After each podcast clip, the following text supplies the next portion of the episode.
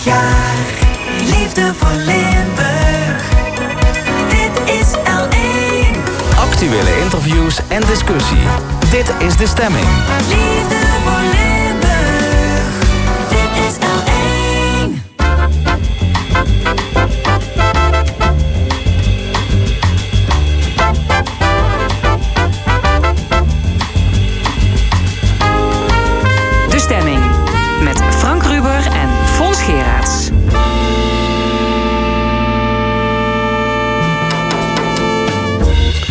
Welkom bij de stemming. Vandaag de volgende onderwerpen. Een terugblik op de voorbije Nacht van de Nacht. Hoe is het gesteld met de lichtvervuiling? Een boek over een Oegandese vluchteling die slachtoffer werd van mensenhandel. En onze wetenschapsanalist Ron Heren over hoe moderne technieken kunnen helpen bij het restaureren van schilderijen. Werkgevers schreeuwen om personeel, maar er zijn geen mensen te vinden. Hoe kan dat? In het tweede uur Tof Tissen van het UWV... en Giel Braun van de werkgeversvereniging over de haperende arbeidsmarkt. Dan nog een column van Rezi Kouwmans... en het panel discussieert over nieuwe coronamaatregelen... en andere actuele zaken. Tot één uur is dit de stemming.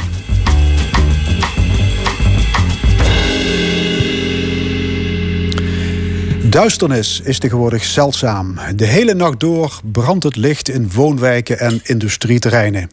Gevolg is dat de natuur van slag raakt en mensen worden verstoord in hun bioritme. Bovendien kennen we de schoonheid van een hemel met duizenden sterren niet meer. Kunnen we de pikdonkere nacht nog terugveroveren in Limburg? We gaan erover praten met Prim Bruren van de Natuur- en Milieufederatie... en met Ernst Roelofs van Sterrenkundevereniging Galileo. Welkom eh, beiden. Ehm, afgelopen nacht werd dus de Nacht van de Nacht georganiseerd. Ernst Roelofs van de Sterrenkundevereniging Galileo. Zijn jullie als vereniging op pad geweest om iets te ontwaren? Nou ja, het was gisteravond eh, erg, vochtig. Het was eh, bewolkt en eh, regenachtig. Maar één lid van ons, Hans, Hans heeft, heeft meegelopen met IVN Spouwbeek. eh, en als het helder was geweest, dan hadden we op de onderweg hadden we met een aantal telescopen gestaan. Dat hebben we de afgelopen jaren vaak gedaan. Dan kunnen mensen gewoon even ja, naar een aantal eh, heldere objecten kijken. Eh, de maan bijvoorbeeld. Of eh, nu momenteel zijn Jupiter en Saturnus zijn mooi te zien. Ja, atmosferische omstandigheden kunnen wellicht tot frustraties bij astronomen leiden. Maar menselijk handelen, dat is natuurlijk meestal het grote probleem. Dat is het groot probleem. Maar er is gewoon. Maar weet je, in de middeleeuwen zag je een hele andere sterrenhemel dan, dan wat je nu ziet. Eh, nu moet je echt.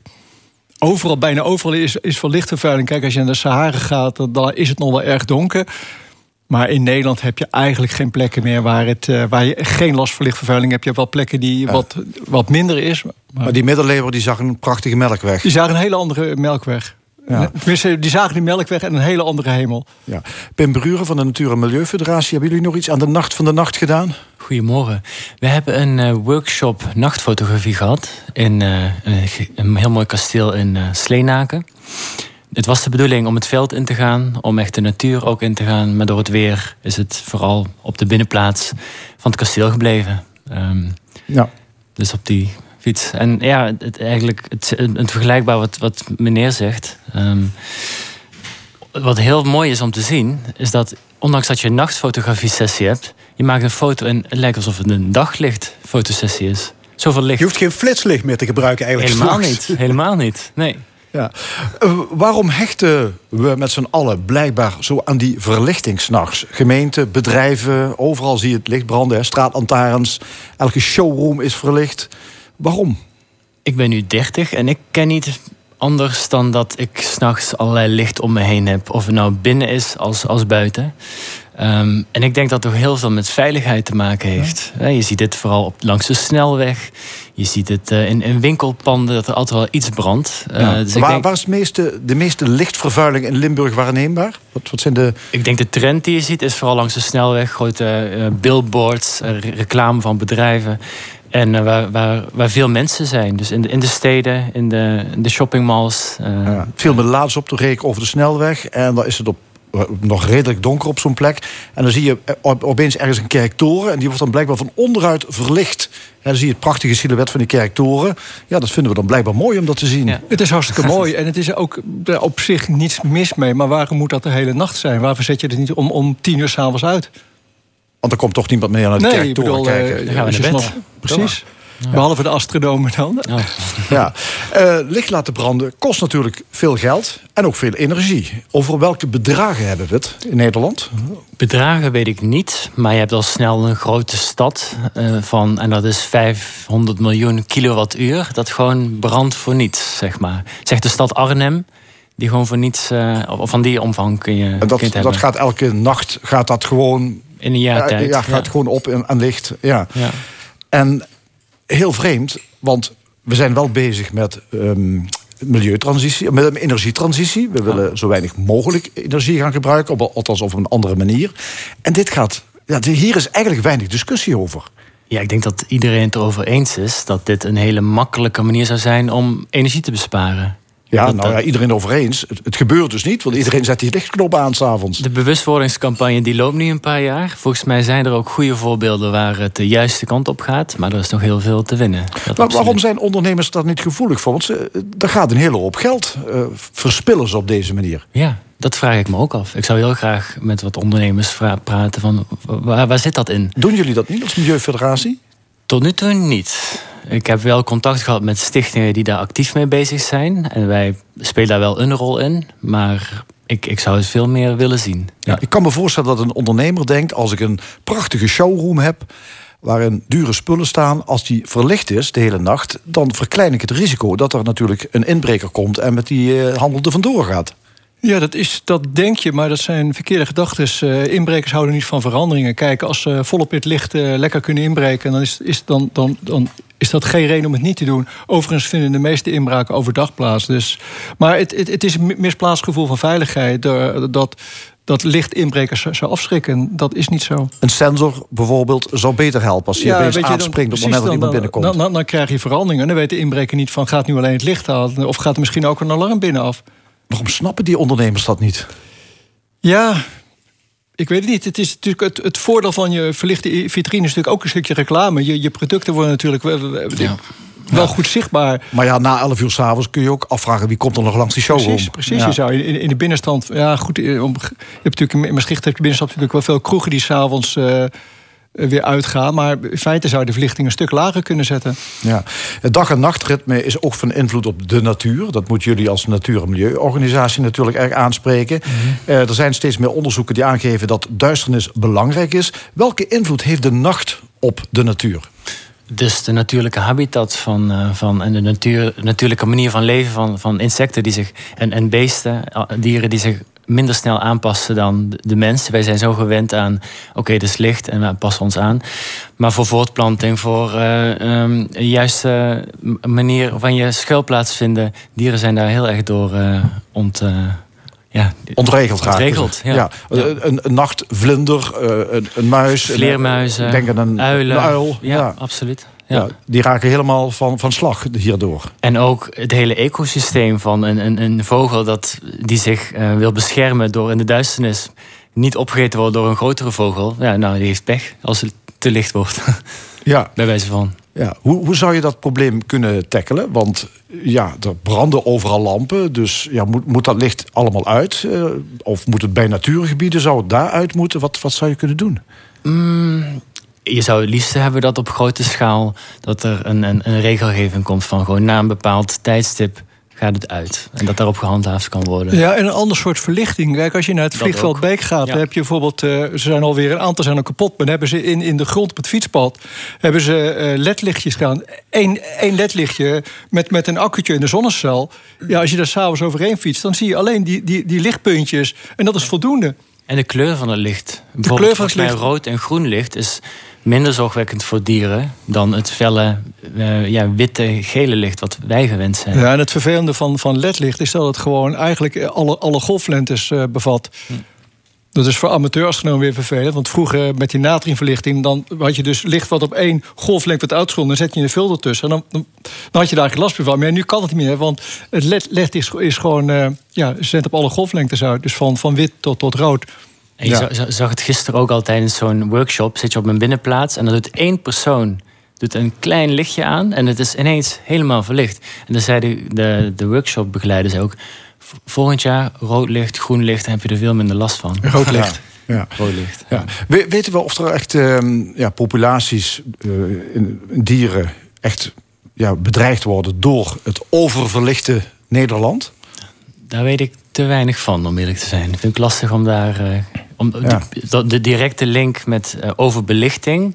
En eh, een populatie die op uitsterven dreigt, dat, dat, daar weet ik te weinig van. Ja. Maar mijn collega's die weten daar een stuk meer Ja, van. maar je zei wel al van, er zijn dieren die zich minder makkelijk voortplanten... Kijk, doordat er te veel licht is? Ja, daar heb je al. Ja, het, het hele ritme wordt totaal ontstoord. Dat eh, eitjes te vroeg of te laat gelegd worden. En dat heeft weer te maken met de kou en de warmte. En voor je het weet is het hele seizoen ontregeld voor een, een populatie. Ja, omdat wij het prettig vinden om een lambaan te Ja. laten staan. Ja. Ja. De mens heeft eh, de nacht ook nodig. Ik las op de website van eh, Nacht voor de Nacht een aantal reacties. Hè, die kun je daar achterlaten. En er klaagt iemand, die komt al 40 jaar in Zuid-Limburg op een... Hij of zij schrijft op een pikdonkere camping. Althans, de afgelopen 40 jaar. En diegene schrijft... Opeens worden we verblind door 50 felle lantaarns. Wat doet dat met onze gezondheid? Dat, eh, wat dat specifiek met je gezondheid doet. Ja, het is heel lastig om, om die rust dan... Je, je krijgt stress, de stresshormonen worden aangewakkerd. Hè? Als je ineens zoveel blootgesteld wordt, raakt aan, aan, aan licht... Eh, je wordt er uitgeput door, je wordt er moe van. Je- volgens mij kun je, ik ben geen dokter, maar volgens mij kan het zelfs tot bepaalde ziekten ook. eh, wat- mij maar weet is dat er een verhoogde kans op, op, op depressie is wanneer je gewoon eh, niet goed eh verduisterd kan slapen. Ja. Want, je, want je, ja, ja, ook al denk je te slapen, je- jouw lichaam of jouw ogen die zien toch op de een of andere manier dat- je niet in een volledig verduisterde ruimte bent.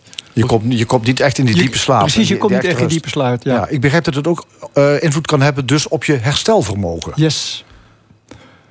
En dat heeft dan weer gevolgen voor. Ja, eh, ik bedoel, als je gewoon niet goed uitgerust bent, dan kun je overdag kun je, kun je wat zaggerijniger zijn. Ja, ja. en, en, en wat geïrriteerder. De afgelopen jaren, volgens mij, in, in Nederland, Europa, slapen we gewoon een jaar, een, een uur per dag gemiddeld minder.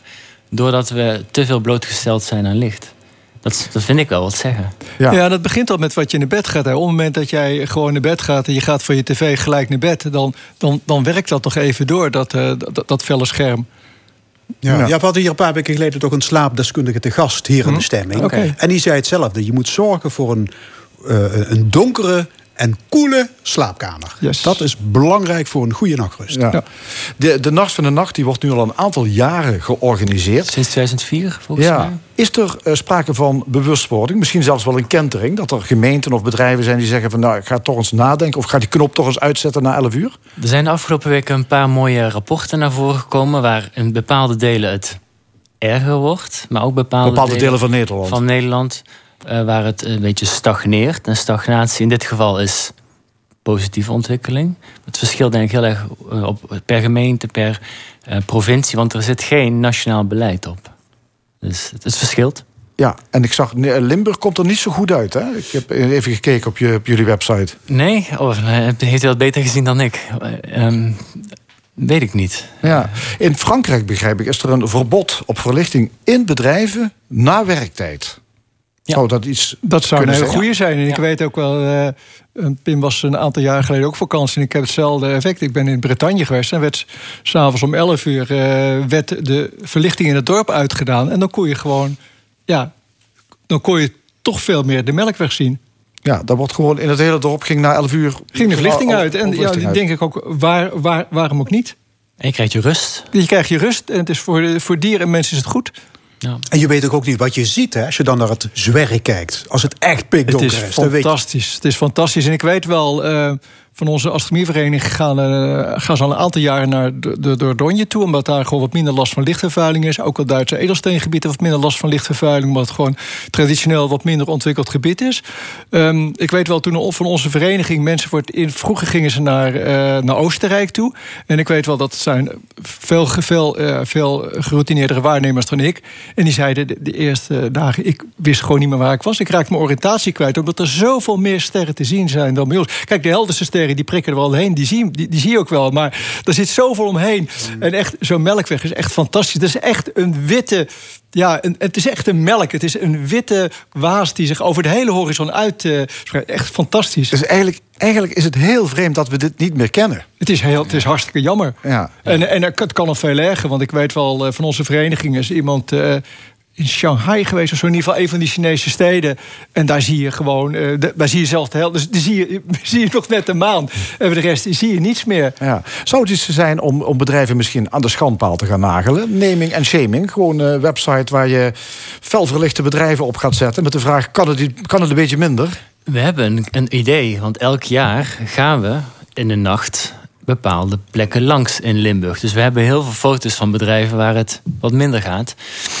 Maar ik zou het leuker vinden om met die bedrijven een traject in te gaan. Dat we samen op oplossingen komen in plaats van dat je aan de schandpaal eh, nagelt. Ja, maar goed, die foto's die zijn er een overvloed te maken. Dus Ja. wat dat betreft, eh, nou ja, je zou zeggen, hou een vinger aan de pols. Ja, straks komt de voorzitter van de Limburgse Werkgeversvereniging hier Kijk, op de vloer. nou, Trek hem aan zijn jas en eh, gelijk maak een link. afspraak. Precies, zo is dat. Oké, wanneer, ze- wanneer zouden we die melkweg weer kunnen zien?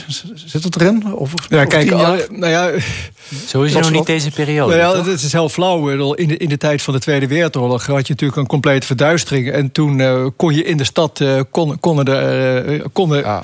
kon weinig willen- gedaan worden. Dat, dat, wil ik, dat wil ik natuurlijk niet. Maar het, het is een kwestie van gewoon het licht, het licht doen. Hebben wij natuurlijk wel een dingetje wat erbij is gekomen, dus de luchtvervuiling. Hè.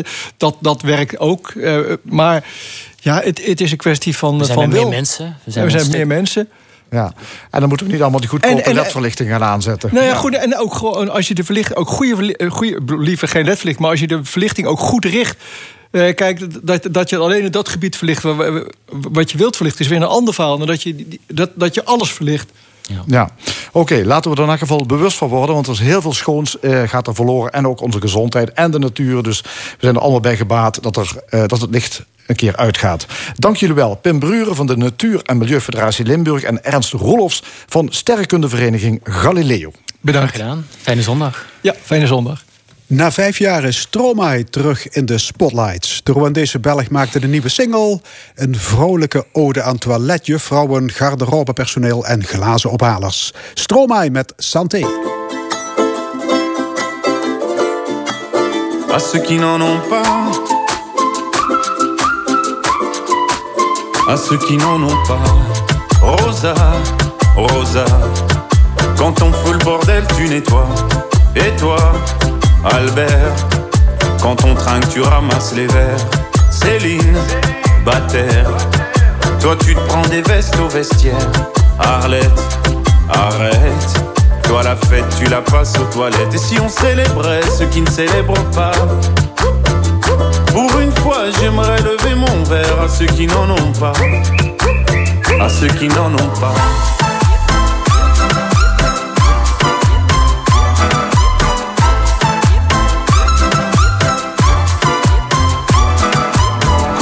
Manières Pourquoi je ferais semblant? De toute façon, elle est payée pour le faire. Tu te prends pour ma mère? Dans une heure, je reviens. Que ce soit propre, qu'on puisse y manger par terre. Trois heures que j'attends. Franchement, il est fabrique ou quoi? Heureusement que c'est que de verre. Appelle-moi ton responsable. Et fais vite, elle pourrait se finir comme ça. Ta carrière. Oui, célébrons ceux qui ne célèbrent pas. Encore une fois, j'aimerais lever mon verre à ceux qui n'en ont pas. À ceux qui n'en ont pas.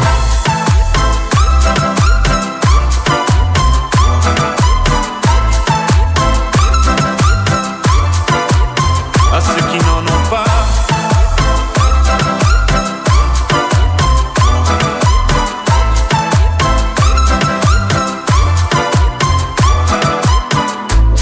Frotter, frotter. Mieux vaut ne pas si frotter, frotter. Si tu ne me connais pas, brosser, brosser. Tu pourras toujours te brosser, brosser. Si tu ne me respectes pas, oui, célébrons ceux qui ne célèbrent pas. Encore une fois, j'aimerais lever mon verre à ceux qui n'en ont pas. À ceux qui n'en ont pas.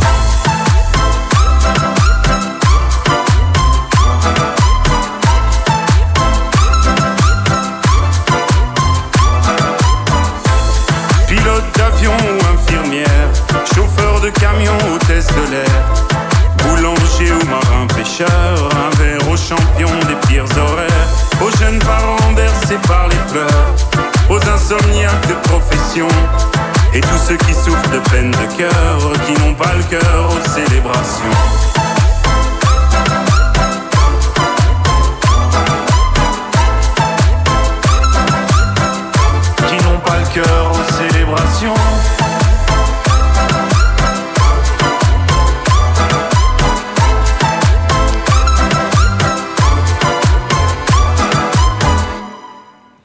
Stromae Santé. Op jonge leeftijd vluchtte Mugisha uit Oeganda. Maar hij viel in handen van een bende mensensmokkelaars... die hem eenmaal aanbeland in Europa dwongen tot prostitutie. Hij wist te ontsnappen en kwam uiteindelijk in Eindhoven terecht. Mugisha is hier samen met Laurens Bolle. En hij schreef een boek over zijn ellendige levensverhaal. Titel Maisha Safari, oftewel levensreis. Welkom allebei. Laurent, jij zal voornamelijk het woord voeren... omdat uh, Mugisha onvoldoende het Nederlands onder de knie heeft. Uh, je bent vastgoedadviseur. Je hebt een eigen klopt. bedrijfje. Hoe heb je deze Oegandese vluchteling leren kennen?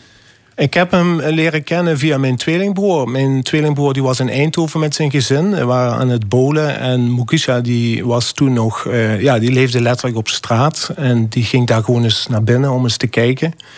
En mijn tweelingbroer die is eh, ja, van hetzelfde soort, om maar zo te zeggen. Dus Die heeft zich meteen die- over hem ontfermd, als het ja, ware. die is, is hem aan, heeft hem aangesproken en heeft gezegd van... goh, waarom kom je niet eh, met me meespelen? Kom bij mijn kinderen zitten en neem je een drankje. En nou, hij heeft die, eh, heeft die kans gegrepen. Het, het was niet de Mugisha zoals die hier nu zit. Hij, hij, was, eh, ja, hij leefde op straat, dus hij zag er natuurlijk anders uit. eh, In de zin van minder verzorgd. eh, veel problemen, eh, zag het leven niet zitten. Was 20 kilo eh, lichter.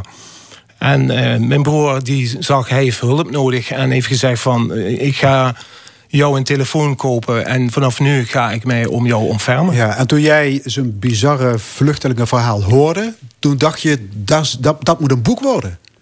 Ja, wij zijn elkaar toen regelmatig gaan ontmoeten. Omdat mijn broer en ik gezegd hebben van kom op zondag bij ons meevoetballen. Dan heb je in ieder geval een, een beetje een sociaal netwerk. We zijn niet meteen gaan vragen van eh, wat speelt er allemaal in jouw leven. We hebben gewoon als mens met hem, eh, zijn we met hem omgegaan. En zo heb je zijn vertrouwen gewonnen. En zo hebben we zijn eh, vertrouwen gewonnen inderdaad. Ja. En wanneer kwam het boek ter sprake? Nou, hij had hele interessante verhalen over wat hij allemaal meegemaakt heeft in zijn eigen land. Dat kwam er langzaam een beetje uit. En eh, ik ben dat gaan opschrijven. En dat begon met kleine stukjes. En op een gegeven moment had ik een hele klapblok vol met hele mooie verhalen. Eh zei je dat het natuurlijk een, een, een, ja, een moeilijke geschiedenis is wat hij heeft. Maar wel eh, interessant om in een boek op te nemen. En dat ging je goed af? Het schrijven van een boek? Nee, dat ging me eigenlijk heel slecht af. Want ik had nog nooit eerder een boek geschreven. Dus ik heb een eh, boekencoach gevraagd, Jolanda Pikkaert, om mij te helpen. Want ik had wel zoiets van: dit is een thema dat moet serieus en goed opgeschreven worden. Dus zij heeft mij geholpen.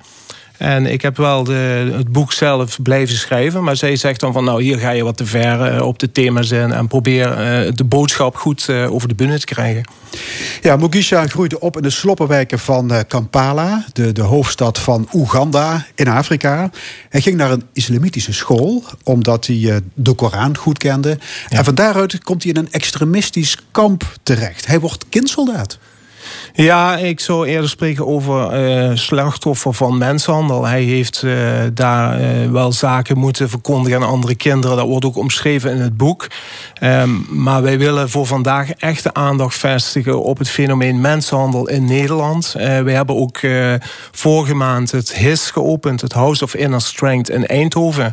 Waarbij we echt aandacht willen vragen dat ook mannen slachtoffer kunnen zijn van mensenhandel. En, en dat is echt de boodschap die we willen overdragen. Want de mannen worden vaak nog vergeten. Dat, Ja. dat is helaas. Kon hij makkelijk praten over deze episode of ging dat met de nodige emotie gepaard? Dat is echt een kwestie, want wij zijn in 2018 al zo, dat, dat moet je je letterlijk voorstellen. We gingen op terrasjes zitten, ik nam hem dan mee ergens naartoe in Eindhoven of in Maastricht of in Voerendaal. En dan kwamen er steeds flarden uit. En in het begin eh, ja, had hij ook wel zijn sceptici ten opzichte van onze maatschappij. Hè. Hij, wilde, ja, hij was onzeker, hè, van wat hebben ze me daar verteld, wat is hier de waarheid. En langzaam maar zeker eh, ja, is hij steeds meer gaan waarderen eh, dat er gewoon heel veel goede mensen zijn hier in onze maatschappij. En dat we ook echt willen helpen. En ehm, eh, zeg maar het helpen van asielzoekers of slachtoffers ook jezelf helpen is. Want, want eh, iedereen is op zoek naar het goede doen. Ja, Mugisha, was het moeilijk om te praten over je, over je levensverhaal? Was Yeah. it difficult to talk Yeah. about the, the, the story of your life? No, like it's yeah, it's uh, it's difficult, but like But I think for me, like, I was driven because I wanted to, to do something and also to change the image of refugees here in the Netherlands because they look at us as, criminals. Nobody really knows what really happens in your life. Mm-hmm. And they think like if you're here, everything is good. But half of us, our journey starts here and the most difficult moments. But people don't know. Yeah, because the, Im- the image we have with the media, and also people are scared because they show us as criminals. They only show us when we're in bad situations. For example, during Corona times, me and my friends, I have friends who are working on supermarkets and helping out, cleaning dockets for people for mm-hmm. free, and they are refugees. But nobody covered them. Nobody talked about it. But if there's a stabbing or something criminal, they talk about refugees. Yeah, so the reason why I this book came out, I wanted to give a clear image that we are just as human beings as you, that we suffer, and also as a guy that we guys we keep a lot of emotions inside. So I wanted to, so that I don't look at that as my story. I look at a story of so many guys and girls because they have worse stories than mine. Ja. Yeah. Oké, Laurens, even zijn verhaal af te maken. Ehm, hij zit in dat, in dat kamp. Hij wil naar Europa. Valt in handen, handen van mensen, smokkelaars. Hij wordt op het vliegtuig naar Rome gezet. En bij aankomst krijgt hij te horen... je moet ons 50.000 euro betalen. Ja, en dat is nou eh, helaas het verhaal van velen. Ja. Eh, dus ze worden met mooie verhalen in Afrika naar Europa gelokt. En als ze dan eenmaal hier zijn, dan worden de bedragen opgeschroefd. Dan is het ineens, je moet 50.000 euro betalen. En je gaat maar drugs verkopen of je gaat maar je lichaam verkopen. Ja, dat is bij hem ook gebeurd. Hè. Eerst was hij cocaïne-dealer, daarna prostituee. Citaat, ze bieden me aan op het dark web. Waarschijnlijk is mijn maagdelijkheid meermaals verkocht.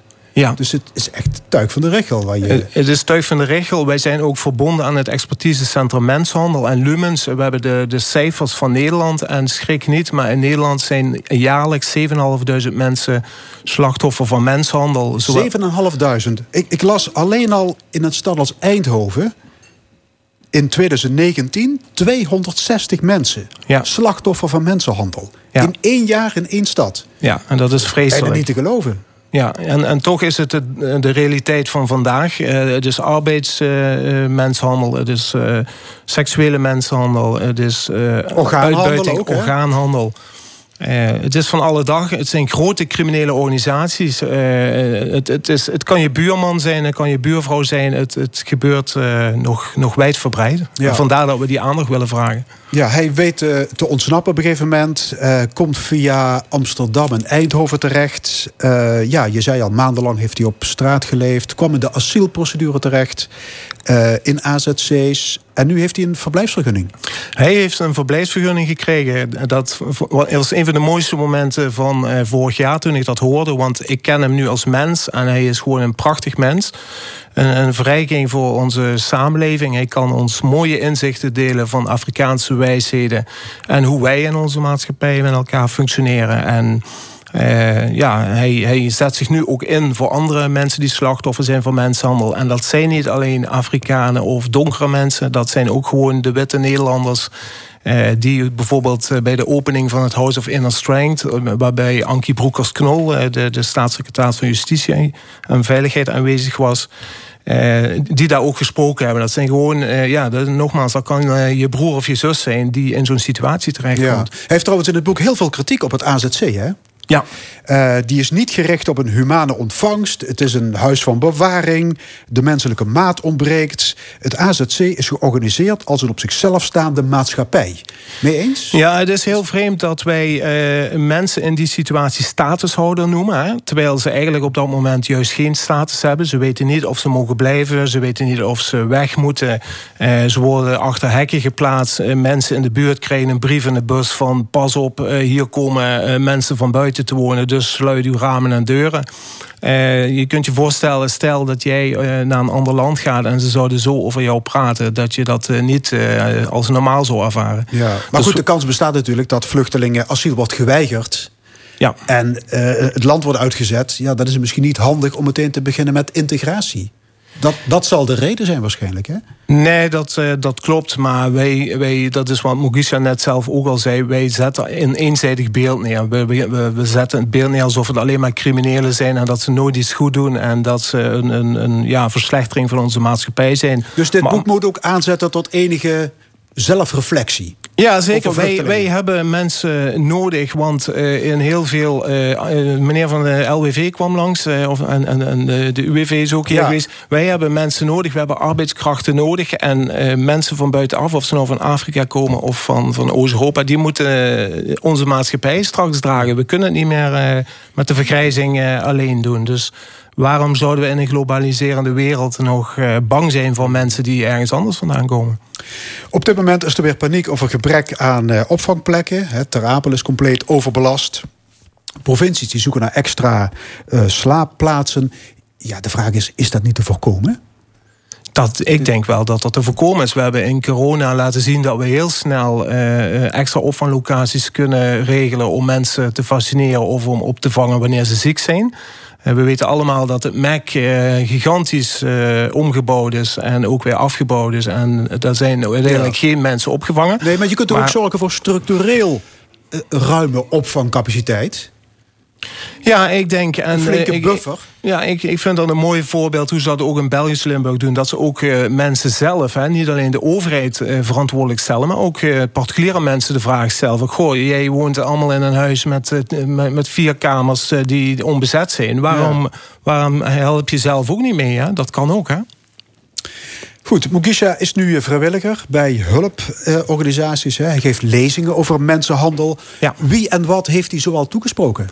Hij heeft al gesproken met, eh, eh, in volgorde van, van positie, hè, zoals hij dat zelf zo mooi zegt. De prinses Irene. Hij heeft gesproken eh, met prinses Irene tijdens de Nelson Mandela-dag 2019. En zij heeft ook zijn verhaal ondersteund...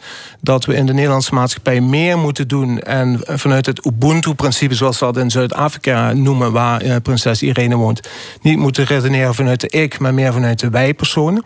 Hij heeft gesproken voor de Europese Commissie. Hij heeft gesproken voor de ministerraad. Hij heeft gesproken voor het college van BMW in Eindhoven. Eh, ja, hij is... Eigenlijk al Niet, niet de wijdverbreid. eerste de beste, eh, ja. Mugisha, do you, do you like public speaking?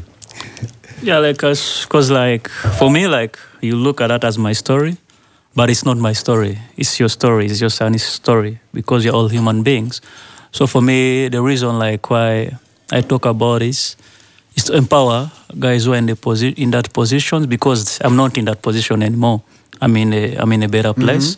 So it doesn't come to me like I'm in that position anymore. So it's very important that the people know. Like if you don't tell the story, no one can know. So that's the reason why I speak about it because I like the image that here they have for refugees to change, and also also for guys, for boys, because the society depicts men or boys as strong. Mm-hmm. You talk about Eindhoven that there's leftovers, but also here I lived in Act in Limburg. Uh-huh. In Limburg, yeah? I was in Act. There are, there In are Act? victims here as well. Okay. So it's not only Eindhoven, like you're saying. Even here in your territory here, I was in this region. I know. And I read in the book that you want to go to study at the Maastricht Yeah, University. because for me- Immigratie en asielrecht. Yeah, it- because because for me, I was like with that field, I wanted to to do more, but already I'm doing because I maybe there when I was with Lons, I was like a free a volunteer, but now I work. I have a job. A Lumens, you know, expertise Mensando, Yeah. and I talk about this, but mostly also about a boys project about guys, both refugees and both Dutch guys, to talk about their emotion, talk about their pain, because when we react, we are physical, and uh, when you talk on TV, on the shows that they have, they always portray a man or a boy as an offender. But most of these guys, they were abused. They went through these things and they mm-hmm. did not get help because most of the attention is on women. So I'm advocating for the boy child mm-hmm. so that they can be heard. People can see their pain. Okay. So that's why it's, yeah. Laurens, tot slot, waar gaat de opbrengst van het boek uh, Maisha Safari naartoe? De opbrengst van het boek gaat naar Lummens en naar het expertisecentrum Menshandel. Er worden jaarlijks activiteiten georganiseerd voor de slachtoffers van menshandel. En het geld is daar eh, zeker goed eh, aan besteed. Dus ik zou alle luisteraars van L1 zeker oproepen om op zijn minst eens even te kijken of ze het leuk vinden om het boek aan te schaffen. Oké, hartelijk dank. Laurens Bolle en Mugisha, thank you very much. Dankjewel. En zometeen in de stemming beta-wetenschappers helpen restauratoren van oude schilderijen.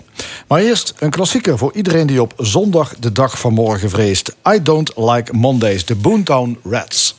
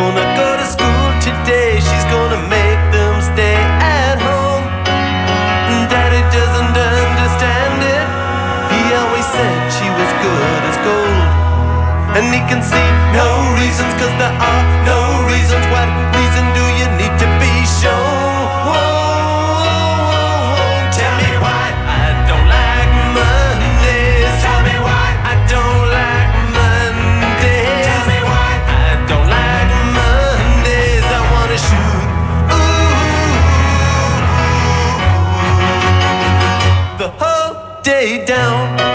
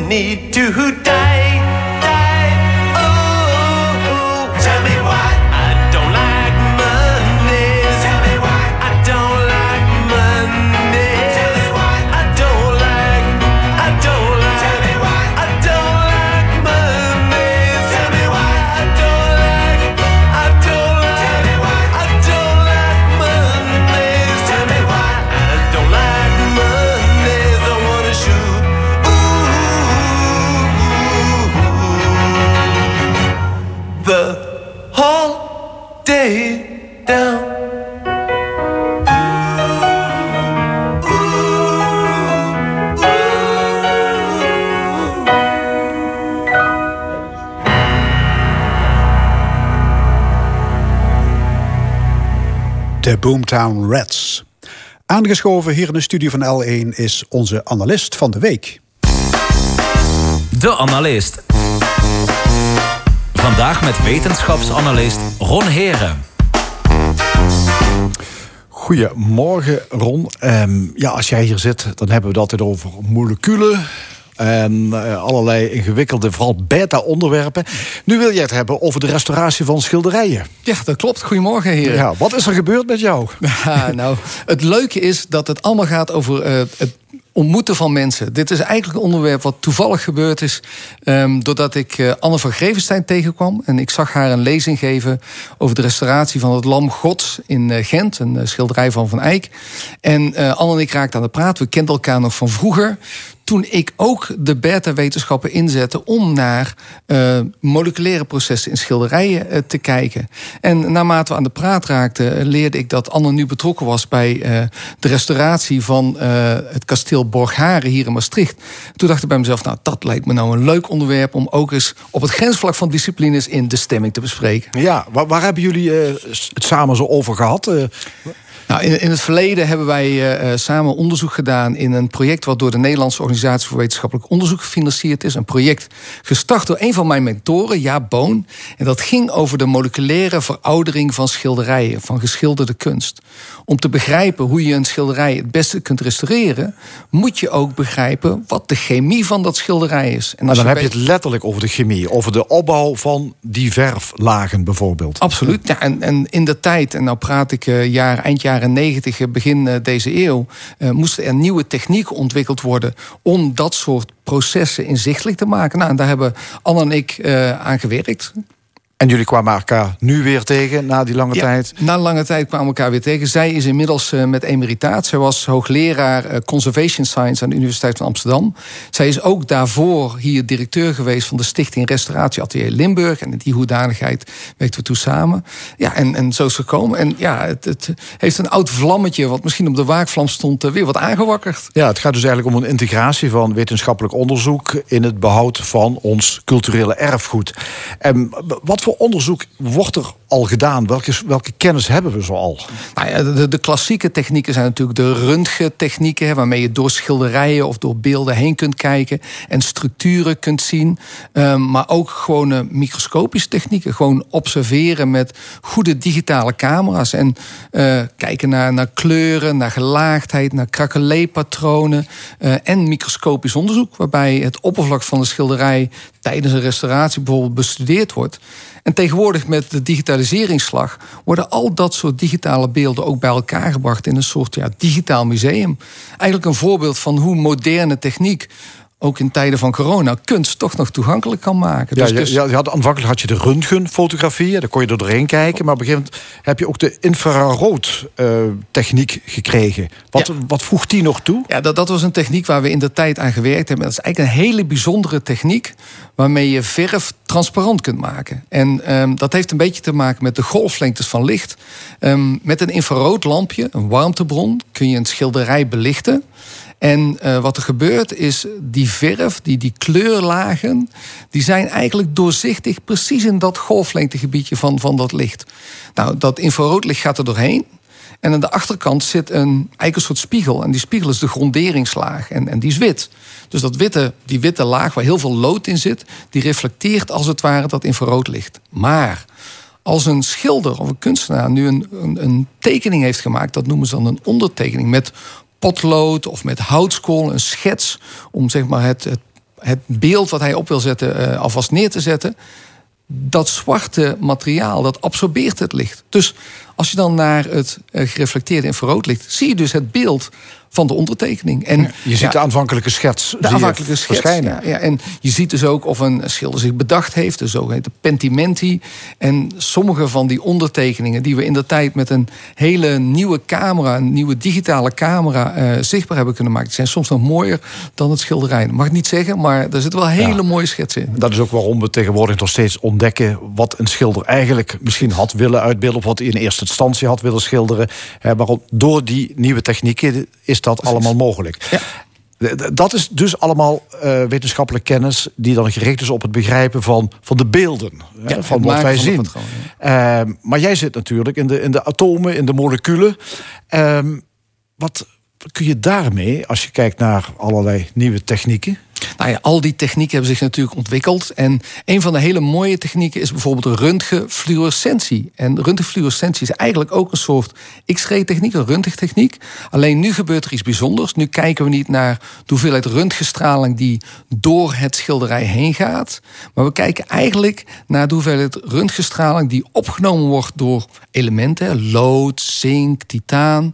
En die gaan een beetje fluoresceren. Net als een TL-balk of zo'n glow-in-the-dark eh, ehm, zeg maar, eh, een sticker die je op de muur kunt plakken waar licht op valt en er komt dan ander licht vanaf. Nou, dat gebeurt ook bij röntgen.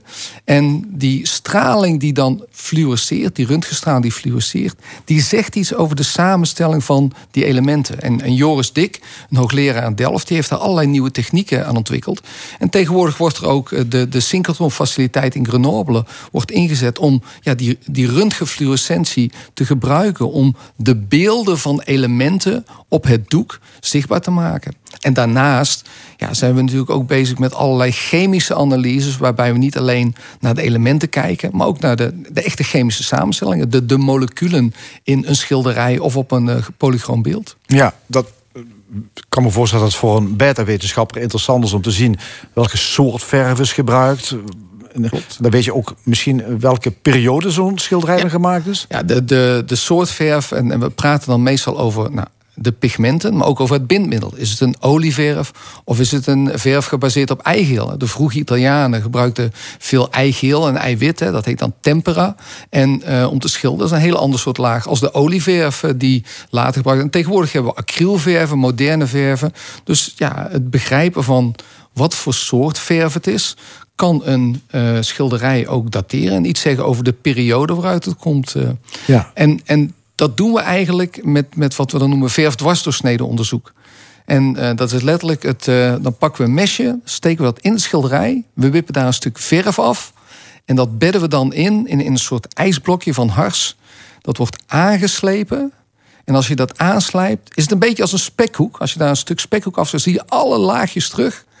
Maar nu hebben alle laagjes een verschillende samenstelling. Maar dat is minuscuul natuurlijk, hè, waar we het over hebben. Super klein. Dat is, eh, ik, het is niet zo dat we een heel stuk verf van de Rembrandt afhalen. Nee, dat, we praten over minder dan 1 millimeter, een paar honderd micrometer.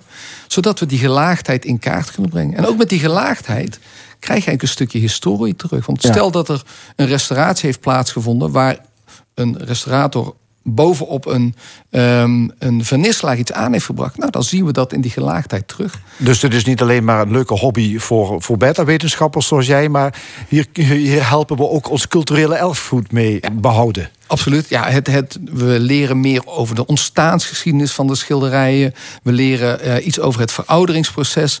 We leren, de we leren de chemie van het schilderij kennen. En al die kennis samen kunnen eh, restauratoren en conservation scientists gebruiken om het schilderij in betere conditie te houden, zodat we eh, het nog kunnen bewaren voor onze nazet, dat onze kinderen er ook nog van kunnen genieten. Er duiken af en toe ook natuurlijk vervalste schilderijen op. Dat is een, toch blijkbaar een redelijke markt eh, in de- op deze wereld. Ik denk met dit soort technieken ja, kun je el- elke meestervervalser natuurlijk ontmaskeren. Nou, er is inderdaad heel veel mogelijk. Het is natuurlijk een heel gevoelig onderwerp. En ik probeer daar zelf altijd verre van te blijven. Eh, maar het is waar, ook op de TFAF bijvoorbeeld. ehm, voordat de TFAF begint, wordt er veel van dit soort onderzoek gedaan. Bijvoorbeeld dat röntgenfluorescentie of microscooponderzoek. Ook om de echtheid van de, eh, de stukken die op de TFAS op de beurs aangeboden worden eh, te bepalen. En dus ja, moderne beta-wetenschappen en de nieuwe technieken die er ontwikkeld worden, spelen daar een enorm belangrijke rol in.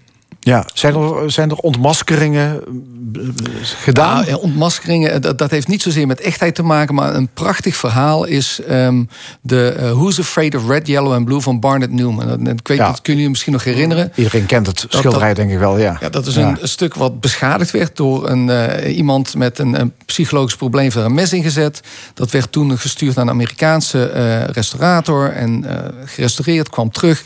En bij de openingsreceptie was daar Ernst van der Wetering, eh, de, de leider van het Rembrandt Research Project. Hij is helaas onlangs overleden.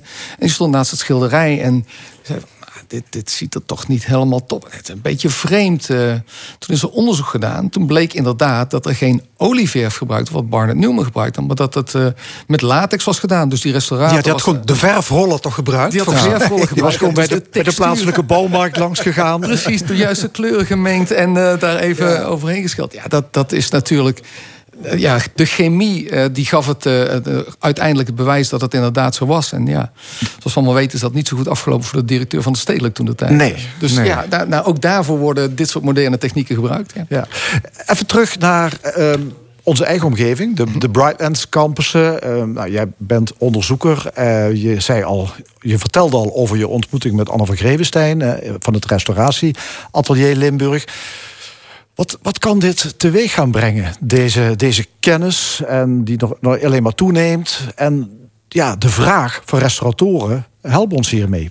Nou ja, in Limburg zit natuurlijk in een ontzettend luxe positie dat we de Brightlands Campus hier hebben, waarbij we een stuk infrastructuur gerealiseerd hebben met hulp van de provincie en de universiteit en het ziekenhuis, waarbij we ons gericht hebben op die imaging technieken.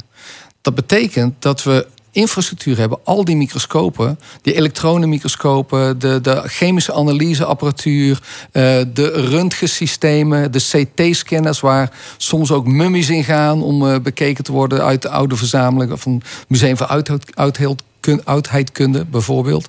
En ja, dat soort technieken kunnen we nu in gaan zetten voor eh, bijvoorbeeld het restauratieonderzoek. Een van de mooie ontwikkelingen is dat we met de Universiteit Maastricht en de Faculty of Science and Engineering nu net een nieuwe opleiding goedgekeurd hebben gekregen. Een Master of Molecular Imaging and Engineering. Een echte technische opleiding. Nou, en daar kan ik me zo voorstellen dat we in samenwerking met het school eh, ook nieuwe technieken gaan onderwijzen aan een hele nieuwe generatie ingenieurs hier uit Maastricht. Limburg Dus- wordt het Restoration Valley van de wereld. Hè? dat zou prachtig zijn. Ja. Maar het is wel allemaal volgens mij nog heel erg kostbaar. Hè? Dat Ja, is niet is- eh, gewoon ergens een, eh, zal zeggen, een optie voor een klein museumtje om dit meteen te gaan gebruiken, deze techniek. Nee, dat klopt. Dus dit, dit soort dingen doe je typisch in interdisciplinaire samenwerkingen. En eh, dat is ook wat we natuurlijk van zin zijn om te doen. En toen ik met Anne sprak op de bijeenkomst waar we waren, eh, zijn dat ook precies de onderwerpen waar we over gesproken hebben. En ja, dan kom ik weer terug op Borgharen, waar wij over aan het spraken waren. Ja, daar gebeurt zoveel nu aan de restauratie van het pand. Ehm, de stichting eh, Kasteel Borgharen die hebben een crowdfundingsactie opgezet. ehm, die eh, in staat heeft gesteld om de nieuwe of de schilderijen die daar thuis horen te kopen. Die worden dit jaar en volgend jaar gerestaureerd. En ja, daar is onderzoek voor nodig. Dus Ja. dat moeten we samen gaan doen. Het Limburgse erfgoed gaat een mooie tijd tegemoet, dankzij jullie. Dat hoop ik wel. Ja. Dankjewel, Ron Heren. Straks in de stemming. Onze arbeidsmarkt die piept en kraakt. Waarom is er een mismatch tussen vraag en aanbod? En moet flexwerk worden aangepakt en de vaste baan minder vast worden? Daarover tof tussen van het UWV en werkgever Giel Brouwen. Blijf te luisteren. Tot zometeen na nieuws en reclame.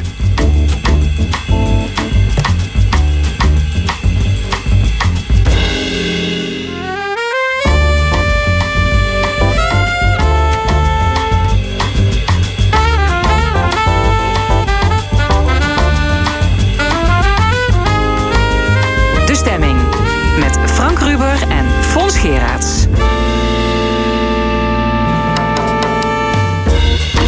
Opnieuw welkom bij De Stemming, ons zondagse interview- en discussieprogramma over politiek, cultuur en samenleving.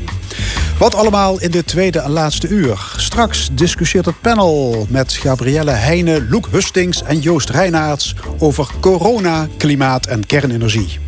De column van Rezi Komans en we beginnen met deel 2 van onze serie over werk.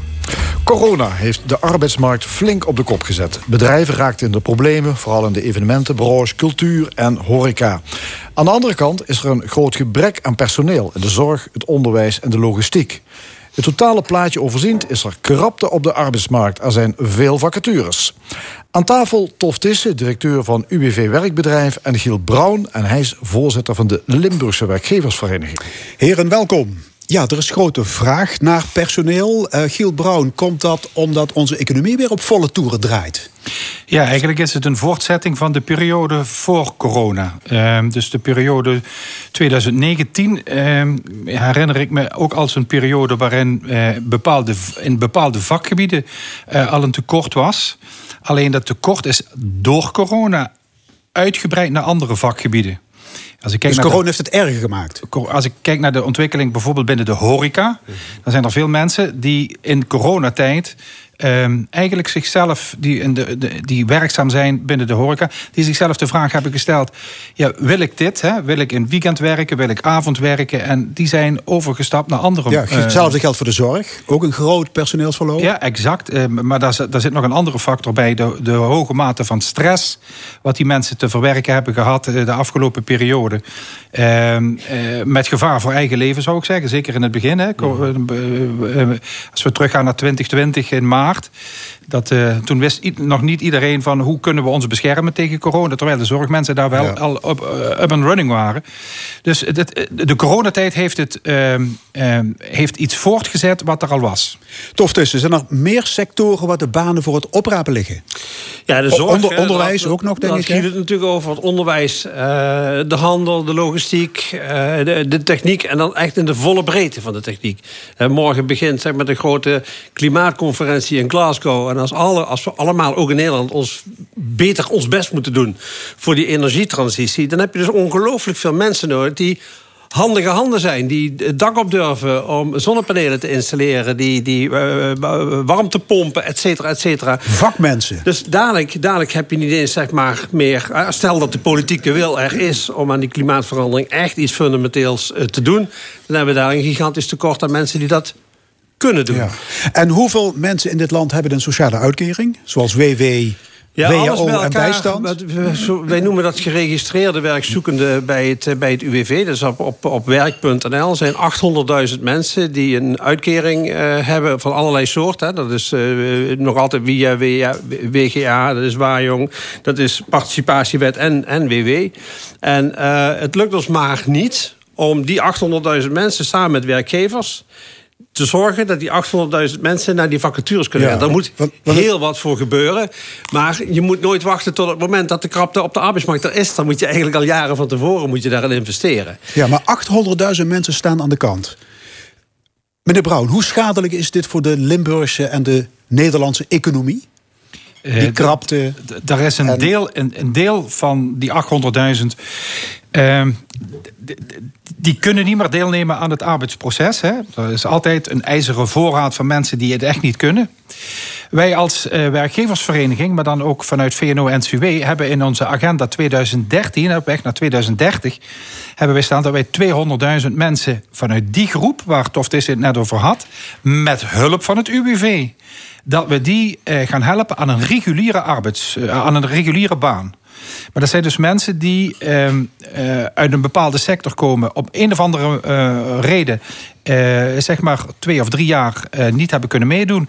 die we moeten scholen, herscholen... eh, en, en die we passen... Ja, dat, maar dat zijn mensen met een achterstand, zeg maar, op de arbeidsmarkt. ja, ja. Maar je Ja, kunt maar zeggen, vraag een, Ja, ik vraag zeg een het liever aanbod. altijd, ik zeg liever ja. altijd andersom. De Ja. arbeidsmarkt heeft een achterstand gecreëerd naar een hele groep mensen die aan het werk, een werk aan het zoeken zijn. Zeg maar de, de skills, de vaardigheden, de competenties van, van die mensen, die, die, die passen niet meer Nee, bij dus- de functie-eisen van de kant van de arbeid, arbeidsmarkt. Vraag en aanbod zijn niet goed op elkaar afgestemd. Maar dat is een verhaal dat ik al 40 Ja. jaar Ja, hoor. ja, Waarom ja, is ja. dat niet Ja. oplosbaar? Nou ja, ik denk, hè, en ik denk dat, dat het Giel Brouwer en ik daar met elkaar heel snel over eens zijn.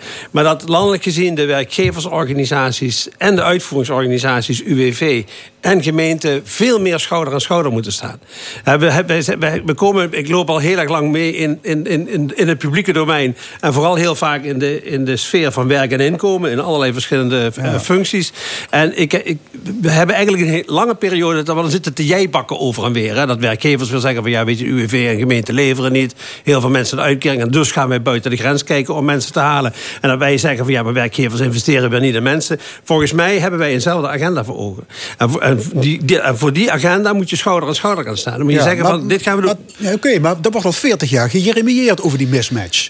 Giel Nou, Brouw, waarom wordt dat niet eens aangepakt? Nou, de- Fatsoenlijk. De, de markt doet ook zijn werk, eh, moet ik u eerlijk zeggen. Op het moment dat de markt overspoeld wordt, ehm, zeg maar, eh, door een hoog werkloosheidspercentage, hebben wij als werkgevers wat minder. eh, dan plukken wij de, de, de peren aan de laagste takken. Laaghangend fruit. Dus dan pakken wij het laaghangend Ja. fruit. En, eh, en, en in, die, in die cyclus zie je dat ook terugkomen. Dus ik ben het niet met u eens dat het al 40 jaar hetzelfde is. Maar wel al in die 40 jaar komt dat bij tijd en wijle steekt dat de kop op. Ehm, ik herinner me in 2006 dat eh, er zoveel jongeren waar jongers waren die niet aan de slag kwamen. En dat ik me als werkgever toen de tijd met een project heb bezig gehouden. Jongeren die eh, tot 27 jaar, die nog nooit gewerkt hadden, die wij als bedrijf aan het werk gingen zetten. Dus met gewoon een contract, maar wel met begeleiding. Snap je? Dat was 2006, toen was de arbeidsmarkt ook hartstikke krap. En we zitten nu weer aan de vooravond. Ik wil, e- met één ding ben ik het niet eens met, eh, met Tof. Eh, dat is, maar werken moet ook lonen. Dus eh, e- een van de zaken die wij bij die, bij die 200.000 banen... waar wij dadelijk garant voor staan, dat we die, dat we die gaan eh, creëren... daar hoort ook bij dat dat moet lonen voor dus de mensen in kwestie. En dan kom je dus bij het hele fiscale deel van, van, van ons land. Eh, het moet ook niet zo zijn dat eh, iemand die in de WIA zit met allerlei toeters en bellen met toeslagen en, en wat iets meer zijn, dat hij dadelijk meer netto overhoudt dan wanneer die gaat werken voor minimumloon. Ja, Oké, dus op fiscaal gebied moet er ook het een en ander Met name aan de weg, worden, de weg hè, met name de sociale Ja. last aan de werkgeverskant, daar moeten we toch echt iets aan gaan doen. Andere vraag, waarom zitten zoveel ouderen zonder baan? Ja, maar dat, dat vind ik dus heel paradoxaal. Hè? We hebben een... 54% van de WW'ers in Limburg is Ja. 50 jaar of ouder. Ja. Die kun je toch omscholen of bijscholen, die, die, die we, senioren? ik, we hebben een krappe arbeidsmarkt en tegelijkertijd eh, loopt het aantal langdurig werklozen loopt, eh, loopt op. En eh, je ziet ook nog altijd een heel groot bestand bij de gemeente. Die vallen onder de participatiewet.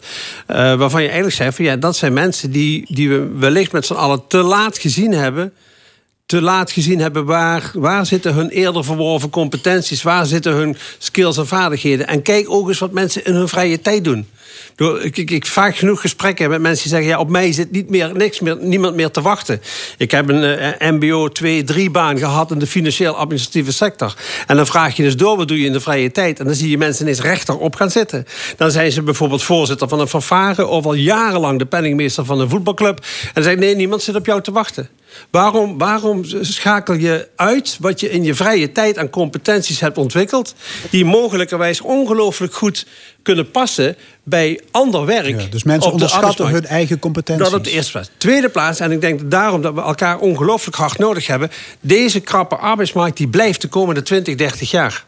We zien nog altijd werk groeien in Nederland, dus banengroei in Nederland. En tegelijkertijd zie je dat het aantal ouderen, de verzilvering van de samenleving noem ik dat, naar mijn eigen kleur eh, haren en eh, eh, nou ja, tot je Ja, 67, dat, groeit zegt enorm. ook demograaf Wim Derks. Wen er maar aan. Er is een lange periode aangebroken van structureel Terwijl er veel minder kinderen geboren worden. Dus veel minder jongeren zijn. Veel minder jongeren die ook een vakopleiding kunnen gaan doen. Laat staan dat die vakopleidingen goed zijn aangesloten op wat de arbeidsmarkt nodig heeft. Dus wen er maar aan dat we de komende 20, 30 jaar arbeidsmarkt hebben. Dus we moeten alle zeilen bij je zetten.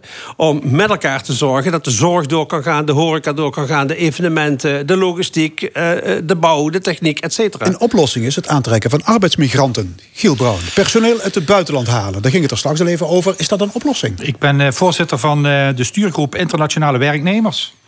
Dat is een stuurgroep die gevormd wordt eh, door eh, eh, zowel privaat als publiek. Hè, dus de provincie en, en de, de, werkgever, de, de werkgeverservicepunten in, in Limburg. We hebben op dit moment 60.000 internationale werknemers werkzaam in Limburg. En Decisio heeft een onderzoek gedaan. Ja, dat zijn veel Duitsers, Belgen, Fransen. ik aan. Polen, eh, Polen. Roemenen, eh, Bulgaren, noem maar op. ja. Maar we gaan op weg naar nog eens 60.000 erbij. Als we de economische groei, hè, gewoon van een procent of 2,5, 3, als we, als we dat doortrekken naar 2030, hebben we 60.000 nieuwe eh, eh, internationale werknemers nodig. Dus dat, dat, Dus u zegt ja. Ja, Haal ze maar uit. India, Afrika. nou, dat, u, nuanceert dat nu. Eh, India, Afrika, dat weet ik zo niet. Eh, maar er is nog een, heel, een, een groot onbenut potentieel aan, aan de oostkant van Europa. Ik denk dat daar eerst naar... Maar heeft u het dan over het lagere segment en niet over kenniswerkers? Nee, nee, als je eh, Limburg bekijkt eh, op, op, eh, in, in, in- tussen Noord, Midden en Zuid... dan hebben we in Zuid heel veel internationale hoogopgeleide Mhm. mensen... gerelateerd aan de hogescholen en aan de universiteit. En in Midden en Noord hebben we eh, meer de, de praktisch geschoolde mensen nodig. Ehm, dus, eh, en dan eh, breed uit. Hè. Eh, iemand die op dit moment gespecialiseerd is in zonnepanelen...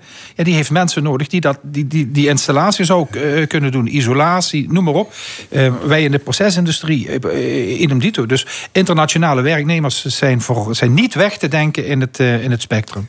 Vorig jaar komt de commissie Borslab met een Ja. rapport. Eh, Ja. Een van de aanbevelingen is: maak de WW-uitkering hoger en korter.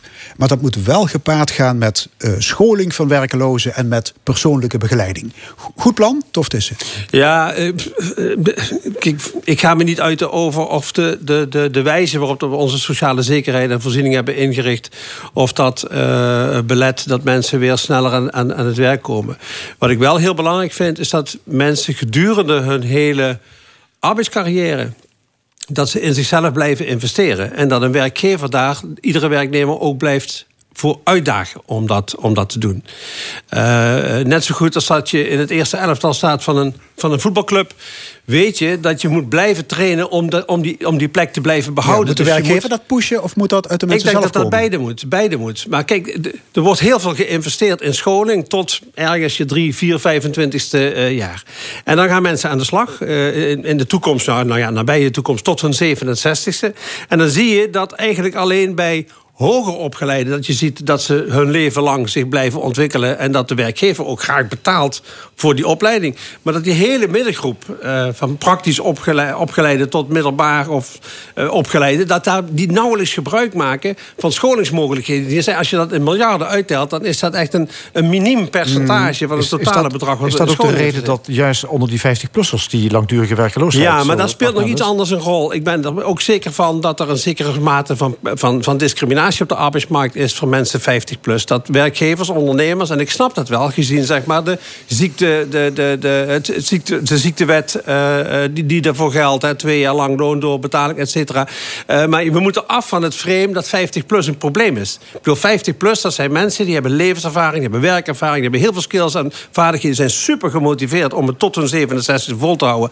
Als het kan in de huidige baan. Als het niet kan in de huidige baan, willen ze best graag overstappen naar een andere mogelijkheid binnen de sector. Dan wel naar een andere, andere sector. Dus we moeten, we moeten echt af van dat, van dat idee dat 50 plus, 55 plus, 60 plus, ik ben het zelf, dat dat, dat, dat mensen zijn die zitten te, te, te, noem je dat, te verlangen naar het einde als ze werkloos zijn, dat ze het wel goed vinden. Daar Dus zit heel veel pijn. U, pleit net Heel als. Borslab voor een soort eh education permanent. Education Eh, permanent, dat is voor de Giel- ondernemers is dat ook van belang. Ik, Limburgse ik, ik, ben, wel, ik ben het wel eens met Tof. ehm, eh, education permanent ben ik het helemaal mee eens. Eh, in Limburg hebben we eh, Leo Loban, een, initiatief Provincie, waarin, ja. waarin de, waar de provincie in, in, in meedoet. eh, waarin we mensen in de bedrijven hè, die, die een mismatch hebben of gaan krijgen de komende vijf jaar. ehm, stapsgewijs eh, inzicht laten krijgen in hun eigen beperking op termijn. Maar ook het scholingsaanbod, hè, samen met de ROC's en de Hogeschool Zuid, samen het scholingsaanbod aanbieden. Hoe ze van A naar, naar, naar A kwadraat zouden kunnen, eh, kunnen doorgroeien. Waar ik het, eh, wat, wat ik van toch wel eens van een andere kant zou willen beschouwen, zijn die 50-plussers. Er zijn een paar dingen. We hebben op dit moment meer vacatures dan dat we eh, werkelozen hebben. Ehm, werkgevers krijgen het werk niet af. Ik ben me daar niet helemaal eh, zo zeker van dat op, op dit moment eh, zo gediscrimineerd wordt op, eh, op leeftijd. Ehm, als ik naar mijn eigen bedrijven kijk, wij hebben al 15 jaar geleden de leeftijdsgrens afgeschaft. Ik heb 40 vacatures, daar komen ook te weinig 50-plussers op aan. Ik denk dat er ook nog een ander probleem zit. Er zijn een hele hoop 50-plussers werkeloos geworden... die uit branches komen, ik noem de bankensector... Hmm, die daar goud verdiend hebben naar de opleiding wat ze hebben Die zijn gehad, binnen. Nee, die hebben goud verdiend naar vanaf de opleiding wat ze gehad hebben. En die vinden op dat niveau geen werk meer wat, wat betaalt wat ze Hmm. gehad hebben. Dus er zit ook nog een, een soort eh, ps- psychologische gewenning Ja, aan het feit dat de, de volgende baan niet meer betaalt wat je gehad Nee, maar, dat, is maar die- dat is mijn ja, volgende maar- vraag. Zou, u, zou de werkgevers werkenden niet meer moeten betalen? Eh, daar zeg ik per definitie ja tegen. Zeg ik per definitie, ik gun iedereen meer. Ja. Maar uiteindelijk wordt alles wat we meer gaan doen... komt uiteindelijk in de eindprijs van de producten t- tot, nee, dat tot. Maar de BV Nederland Nee, draait als een tierenleer. nee, het even- bedrijfsleven maakt enorme winsten. Ja, dat klopt, dat en zelfs premier, Rutte, de Nederlandse bank, het IMF... Ja. vinden dat de lonen omhoog moeten. Ja, maar dat, dat, dat vind ik eigenlijk ook. Hè? Wa- Want ik zei net aan het begin, werken moet lonen. Hè? Dus dat is aan de ene kant het fiscale deel. eh, hè? En de toeslagen, eh, wat er allemaal zijn, die moeten we gaan minimaliseren. Maar het andere deel eh, is dat we ook gaan kijken naar het minimumloon. Echter, dan wordt mij te makkelijk geroepen... het minimumloon moet naar 14 euro per uur. Hè. Ik zou het iedereen gunnen. Daar- laat, laat, laat dat duidelijk zijn. Maar het minimumloon over de grens is 9,60 euro in Duitsland. In Duitsland gaat het omhoog, hè? Ja, maar dan gaat het met, met dubbeltjes omhoog. Hè? Niet met, met eh, euro's, zoals bij ons. Hè? Waar, waar, daar wordt gevraagd om, om te gaan naar 14 euro. Hè? Dat, is, dat gaat met 2, Oké, 3 heeft, euro. heeft de algemeen directeur van het UWV Werkbedrijf daar nog een opinie over? Ja, daar heb, ik, nou, daar heb ik een opinie over. Ik hoop dat al onze mensen die gesprekken hebben met mensen die werk zoeken en die boven de 50 zijn en die soms het angstzweet eh, op hun rug hebben staan van, van kom ik nog aan het werk, want ik moet nog tot mijn 67e wil ik nog blijven werken, moet ik ook blijven werken. Daar zeggen we van, van ja, weet je, de arbeidsvoorwaarden bij een volgende baan die bij jou past, zijn misschien lager dan wat je gewend bent. Maar als je je max WW-periode overschrijdt, Vanuit onze optiek, 1 op de 8 mensen heeft maar recht op een bijstandsuitkering. 7 op de 8 niet. Dus maak, maak die mindshift wel in je hoofd. Dat wanneer je eh, eh, een baan aangeboden krijgt, werk of geschikt bent voor werk met minder arbeidsvoorwaarden. Omarm die baan, omarm dat werk. Want straks zit je mogelijkerwijs thuis terwijl je partner wel werk heeft. Dus je hebt je recht op een bijstandsuitkering. En dan vervalt in max twee jaar één heel gezins, deel gezinsinkomen. En dan kom je in de problemen met je huur, met je noodzakelijke kosten van bestaan, je hypotheeklasten, je studerende kinderen. Dus accepteer misschien op een lager niveau dat werk. En zet je daar volledig voor in, want die groei die komt wel weer. En sluit je niet uit bij dat sociale netwerk, wat werk ook is. Want mensen ontwikkelen zich door werk. Mensen voelen zich gezien, zijn van betekenis, hebben eigenwaarde door werk. Dus dat is wel ongelooflijk belangrijk. Dus al onze adviseurs hoop ik dat ze dit gesprek met mensen ook confronterend aan durven te gaan. Want daar zit wel de mogelijkheid in voor mensen. Giel Brown, Limburgse Werkgeversvereniging. Ja, ik ben het daar helemaal mee eens. We, dat- we zullen naar bewustwording moeten gaan. Enerzijds de groep die, eh, waar, waar, waar Tof Tissen het over heeft. En anderzijds naar de mensen in onze bedrijven... die of te laag of een mismatch aan opleiding hebben gehad... die zich nu moeten realiseren... werkende bij werkgever A of B... het zou, het zou kunnen zijn dat ik me moet voorbereiden... dat ik de komende vijf jaar voor werkgever C ga werken. En daar heb ik dat voor nodig. En dan ga ik me in, in bijscholen. En dan moeten, we wel, ja, maar dan moeten we wel toegankelijke arrangementen Absoluut. hebben... van wat voor scholing, wat voor Ja. training. Je moet tegen- niet tegen iedereen zeggen van je moet weer terug naar school... want dan krijgen ze het angstzweet eh, ook onder de oksels. Ja. Eh, ik bedoel, Maar- maar werken kan- en leren, leren en werken... dat soort combinaties zijn ontzettend belangrijk. Dus ik roep ook echt onderwijsinstellingen op... om dagelijks te kunnen beginnen met een handige eh, eh, eh, eh, ja, training, scholing, herscholing, omscholing... tegelijkertijd te combineren Ja. met, eh, met werk. Want daar Goed, geloof ik had het ook nog graag willen hebben over flexwerk, maar daar ontbreekt ons de tijd voor op dit moment. Komen we zo een keer nu, terug dan. Precies. Hoe nu verder? Er wordt een kabinet in elkaar getimmerd. De grote vraag is, wat komt er in het nieuwe regeerakkoord te staan over werk en de arbeidsmarkt? Ik zou, het, eh, ik zou het zeer toejuichen als we de commissie Borslap zijn werk verder laten afmaken. Dus eh, vast minder vast, flex minder flexibel. Dus, dus daarin eh, kortere WW-duur, hogere WW-uitkering en daarbij eh, arrangementen. Ik hoop dat we nou eindelijk de kans krijgen om datgene wat die verstandige man op papier heeft gezet, om dat af te maken. Ja, maar de werkgevers en de werknemers hebben een polderakkoord afgesloten. In juni, daar is afgesproken dat aan die strenge ontslagregels niet wordt getornd. Dat was een harde eis van de vakbond. Nou, dat ben ik, da- dan heeft u informatie waarover ik niet beschik. Eh, zo, zo, zo, nee, ja, dus zo hard eh, zit hem niet. Ik, Hmm. ik denk dat wij als werkgevers met de, met de bonden, eh Ingrid Thijssen met, met, eh, met CNV en FNV, ik denk dat ze voorop lopen op, op deze agenda. Maar die zijn echt aan het wachten dat er dadelijk een voortzetting komt van dit kabinet, zodat Borslap zijn, zijn werking gaat krijgen. De hervorming moet doorgaan. Die moet absoluut doorgaan, maar je moet het ook voor iedereen die werkt en in de toekomst wil gaan werken makkelijk maken dat er een soort eh, een budget is voor, om, de, om te kunnen investeren.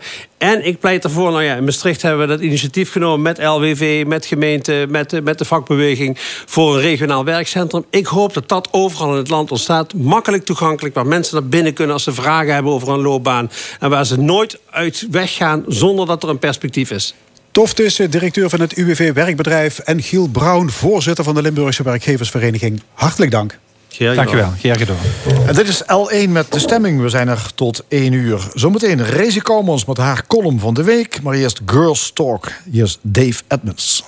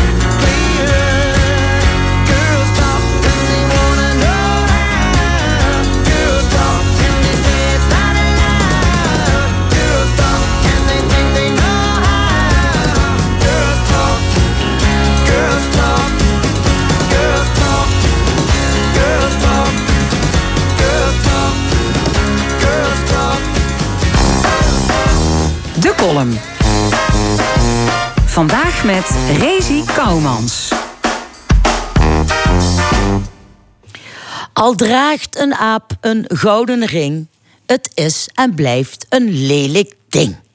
Aan dit rijmpje van Vreuger moest ik denken wie ik van de wijk het nieuws hoorde dat Facebook zijn naam ging veranderen. Facebook heet namelijk niet zo'n gooie naam.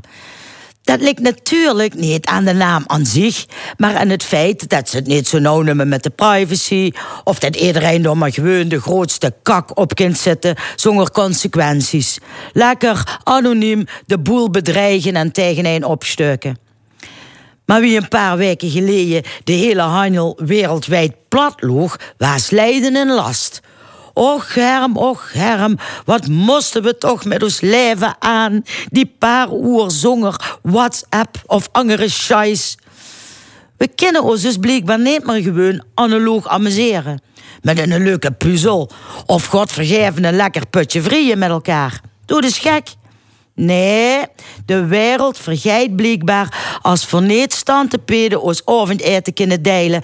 Of aan iedereen kunnen laten zien wie leuk dat ons kat op Hitler ligt. Kijk dat snurken. en mijn vrouw ook, die kunt hele lekkere goulash maken. Maar sorry dat het op de foto ligt alsof het zo uit de kleine Adolfjes in vodkump. Maar goed, ik dwaal af. Eh, Facebook het binnenkort meta. Van metamorfose? Alsof het dan zo wel doogt. Kijk, daar zijn veel lui goed in, hè. Om het gewoon angst te gaan benummen, om daarmee het heel ergs eigenlijk te bagatelliseren. Afschalen van de reguliere zorg wilt gewoon zeggen, stik er maar in, doe op vette pech. Kijk, zo ken ik het ook. Plofkip noemen we in het vervolg een superkip. Wat logisch is, omdat ze die ook in de supermarkt kups. Voetbalhooligans waren overenthousiaste actiesportaanhangers of gewoon kort gezag Roda of MVV-fans. Een klimaatcrisis, weersverandering. Als ze door al die ellende dan toch in een depressie schuurt, is dat een tijdelijke impasse, oftewel een lage drukgebied, omdat ze even geen hoge druk aankent. En als er immers met een stolle gezicht staat te liggen, verhangen voor dat gewoon geen actieve herinnering hebben. Kloor. Wat ze niet zegt, besteedt niet. Makkelijk zat. Dus, als meneer Rutte aanstonde dinsdag het woord corona niet luid vallen, dan weten we wie laat het is. Zomertijd werd wintertijd. Dit is L1. De column van Rezi Komans in de stemming van L1. Dan nu het discussiepanel. Vandaag over de vergroening van het ABP, rellende hooligans, de klimaattop in Schotland die vandaag begint en oplopende coronabesmettingen. Ik heet van harte welkom Mark Koopvrouw en gemeenteraadslid Gabrielle Heijnen, communicatieadviseur Loek Hustings en beleidsadviseur, we zitten goed in de adviseurs vandaag, Joost Reinaerts. Ja, het kabinet zal naar alle waarschijnlijkheid dinsdag nieuwe coronamaatregelen gaan aankondigen. Wat verwachten jullie?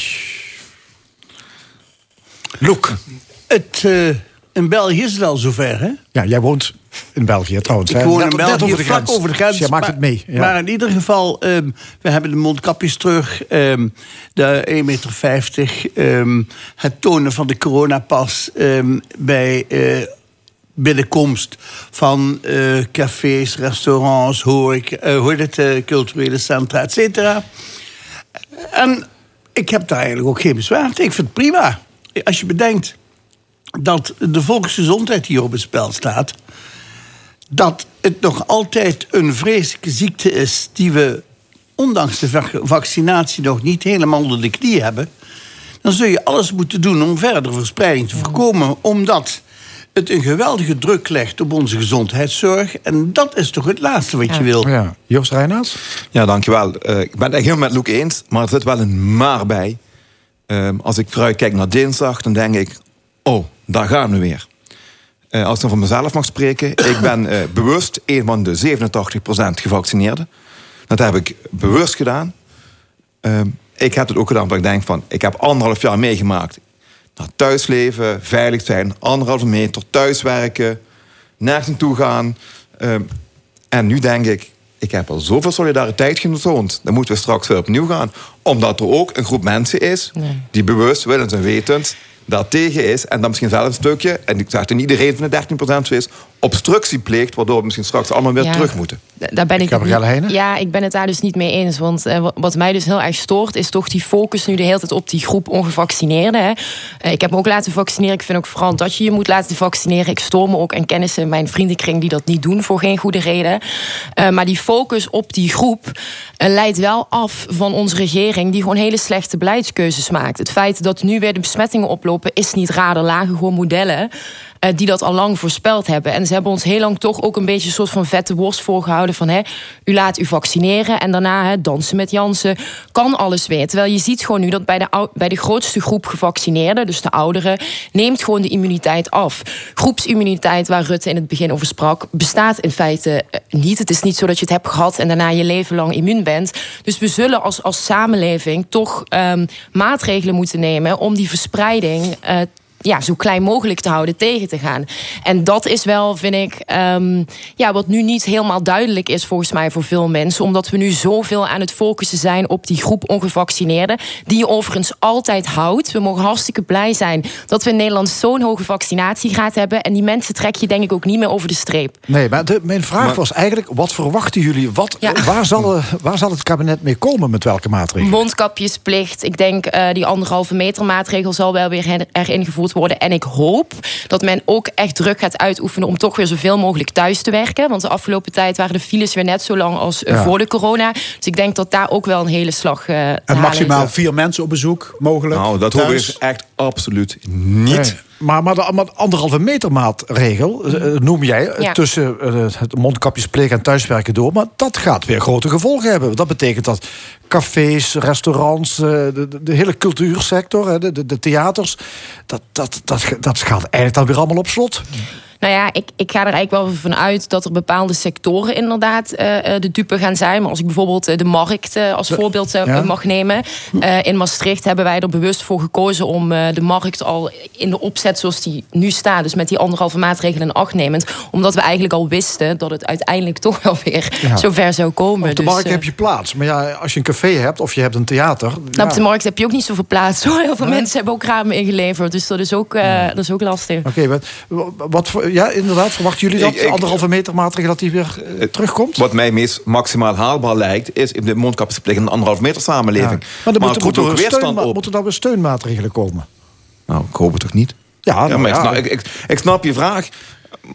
Ehm, maar het ma- dat zit een complexiteit waar we dinsdag staat te wachten. Aan, aan iedere knop die je dus draait, linksom of rechtsom, heeft dus consequenties die meteen de hele samenleving raken. Want jij zegt direct anderhalve samenleving, maar de markt voelt het. Het, voelt, het wordt gevoeld in het café, in de bioscoop en in het theater. Dat betekent meteen Ah. consequenties. Is het voor jullie denkbaar dat je de coronapas op je werk zou moeten Nee. gaan tonen? Nee, absoluut niet. Ik vind dat echt een, een, een zeer vergaande maatregel... die helemaal niet proportioneel is op dit moment. En wat ik net al zei, kijk...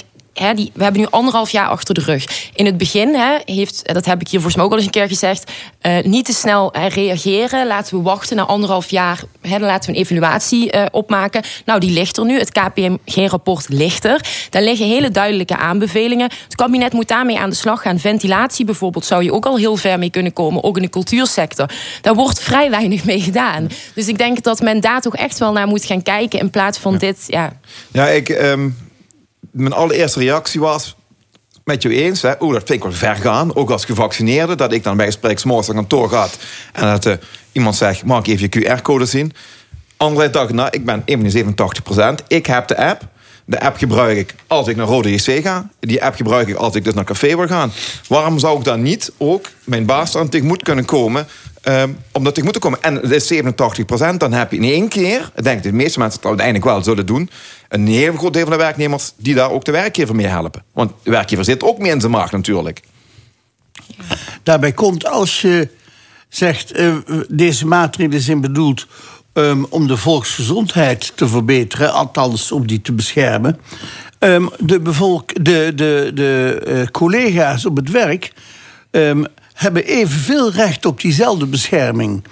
En ik vind het dus niet onterecht dat een werkgever alles doet om zijn werknemers in een zo veilig mogelijke omstandigheid te brengen. En als het zo is dat er een aantal mensen rondlopen daartussen die niet gevaccineerd zijn, dan zijn dat degenen die een risico Maar inbrengen. een werkgever kan het personeel toch nooit dwingen om een soort medische behandeling te Nee, maar- ondergaan? Dat, dat bestaat toch niet? je- tast gewoon grondrechten Nee. eigenlijk van mensen aan. En dan moet je wel een goede reden hebben. Ziekenhuis Maastricht heeft laatst ook eh, aangegeven dat eh, twee op de tien die nu daar liggen, zijn eh, slechts ongevaccineerd. Ja, maar dat- ja, ja, maar het punt is wel, wat ik dus net al zei, er zal altijd een grote groep kwetsbaren blijven bestaan. Dus we moeten nu niet de schuld gaan geven aan die 13 procent. Tuurlijk, ik hoop ook dat die mensen zich laten vaccineren. Maar men moet die verspreiding zoveel als mogelijk zien tegen te gaan. En daar heeft toch echt onze eigen regering toch wel wat steken laten vallen. We gaan naar een ander onderwerp. Er viel net het woord de Rode JC.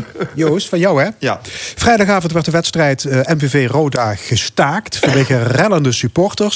Ja, de, de, de bobo's, de KNVB, burgemeesters. Ja, ze zitten met dat handen in het haar. Niemand weet hoe het, hoe het verder moet. Was jij erbij? Ik was, nee, ik, ik was er vrijdag niet bij. Ik, ik zal zeggen ook waarom niet. Ik ben de jaren negentig al een keer naar Rode MVV geweest, of MV Roda geweest. Destijds nog met de trein vanuit Kerkrade.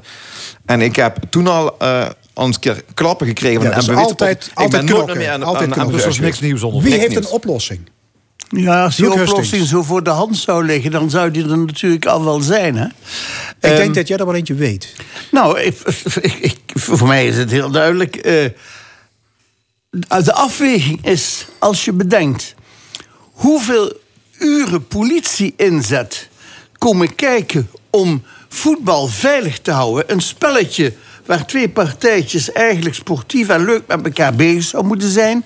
Als je daar dus een macht politie nodig hebt, terwijl je aan de andere kant hele hoop mensen hebt die bedreigd worden, andere problemen meemaken, waar we onderzoeken niet kunnen afronden, waar de helft van de aangiftes op de plank blijft liggen omdat er geen personeel voor is, dan zeg ik, nou, dan moet je dus alles doen om te voorkomen dat je hier politie inzet bij nodig hebt. En als het zo is dat je dan zegt, dan spelen we maar zonder publiek, dan spelen we maar zonder publiek. ben ik pertinent niet mee eens als Roda supporter. Ik denk ook dat je daar, ook, en dan ga ik eerst zijn, ook de gemiddelde MVV-supporter tekort mee doet. Het spel wordt ontregeld niet door de MVV-supporter, niet door de Roda supporter, zelfs niet de fanatieke supporters. Het wordt ontregeld door een stelletje, en ik noem het even kort gezegd, tuig. En tuig wat erop uit is om een wedstrijd te ontsieren. En degene waar je daarmee dus eigenlijk tekort doet, en dat is wat Ron Meijer ook op eh, Facebook zet, is ehm, de vader en de zoon die naar voetbal wil gaan. Die doet tekort in. Dat is wat vrijdagavond mijn vrouw zegt. Ik wil niet dat jij ooit met mijn zoon naar MV Roda gaat. Daarom. Dus er moet meer gedaan worden in de opsporing van dat kleine groepje mensen die Nou ja. die, die, die en- amok eh, Ja, dat is, en ik speel denk ik ook wel een stukje een lokaal probleem. Is, ik denk dat het MVV-stadion eigenlijk misschien niet erop toegerekend is om dat aan te kunnen. Ik zie namelijk ook dat in Kerkrade, in mijn stadion, een PLR-stadion waar ik fanatiek sta, dat is niet gebeurd. Ik denk dat de Nou. niet stevig genoeg is om dit aan te kunnen. Nou ja, ik bedoel, ik eh, kom uit Heerlen. Ik ben ook al vaker naar Roda JC gegaan. Ik bedoel, daar, daar is ook wel eens vaker vuurwerk mee het stadion naar binnen gekomen. Dus kijk, en ik denk dat daar ook het probleem zit. Ik ben het wel met Luke eens. Het, het kost enorm veel eh, politiekracht. dus ik ik zou eigenlijk op dit moment dan zeggen: oké, even geen publiek. Ik ben het ermee eens. Je moet niet mensen eh, de dupe laten worden van een, van een kleine groep ruilschoppers. Maar men moet wel even heel goed gaan kijken hoe het kan. Dat men daar zoveel vuurwerk gewoon mee naar binnen kan Ja. smokkelen. Dat is ook onbegrijpelijk. Nou, je weet dat dit een risicowedstrijd is. ja. En het gaat gewoon zo makkelijk het Maar stadion binnen. betere, betere controle. Ja, ik denk dat wel. En, stadion, inderdaad. stadionverboden opleggen. Ja, goed straffen inderdaad. Ja, ik denk toch wel dat dat werkt vaak bij eh, ja, dat soort types, om het maar even te zeggen. Maar, en, en dat wil ik ook nog even zeggen, toch? Hè, ik ben eigenlijk helemaal geen voorstander van vuurwerk. Maar als fanatiek supporter vind ik dus vuurwerk om de sfeer te verhogen voor de wedstrijd, vind ik geweldig. Het gaat me wel veel te ver om vuurwerk naar elkaar te gooien. Ja, dat, dat mogen Dat- duidelijk dat, zijn. Dat, dat, ja. we te ver. Ik vind want om vuurwerk te verbieden, als ik dus als MVV naar Kerkrade komt, het Nee, vuurwerk voor de wedstrijd is enorm sfeerverhogend. Vind ik als, eh, ook heel goed. Ja, ik vind het allemaal heel leuk en aardig. Maar als het zo is dat dat een gevaar met zich meebrengt... dan moet je dat achterwege laten. Ik, eh, en dan kun je wel zeggen, daar is het niet voor bedoeld. Ja. Zo moet het niet. Nee, maar du moment dat het gebeurt...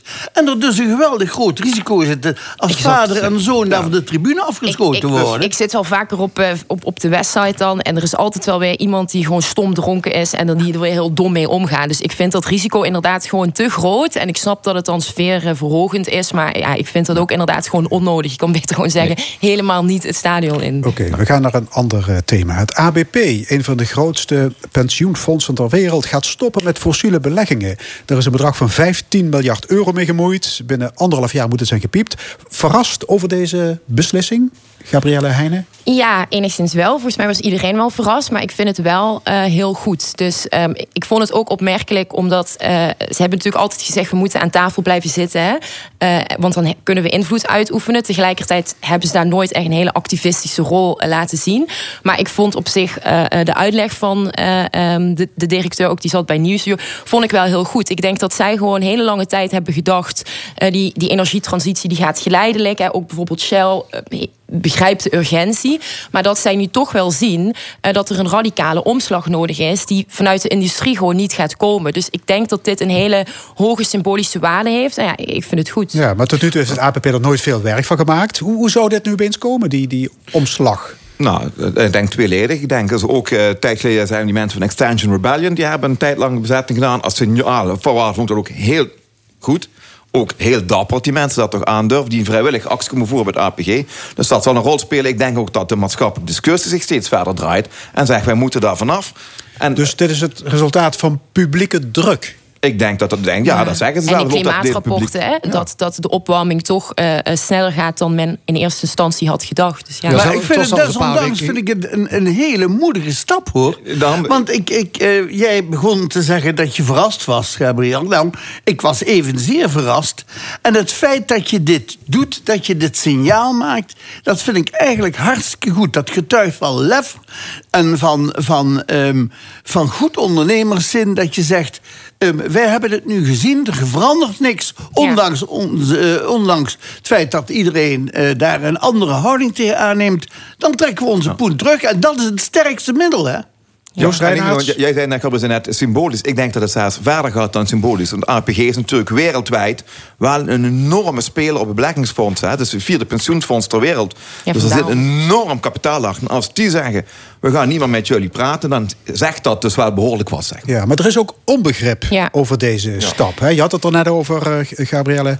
Critici zeggen, moet je niet in gesprek blijven met de fossiele industrie? Ja. Moet je niet 1% van de aandelen behouden om invloed te kunnen uitoefenen? Hier is het 1% klimaat, heb je hier is het heb je klimaat niet mee gediend. Dan zit je alsnog wel aan tafel, inderdaad. Ik moet zeggen, ik, ik was er ook over na aan denken. Ik had die 1% aanhouden misschien wel ja, verstandiger gevonden. Tegelijkertijd is het natuurlijk zo dat zij nooit aan, aan die tafel eh, bepaalde resoluties hebben gesteund. Dus ik denk dat ze echt wel een hele andere koers inderdaad gaan varen.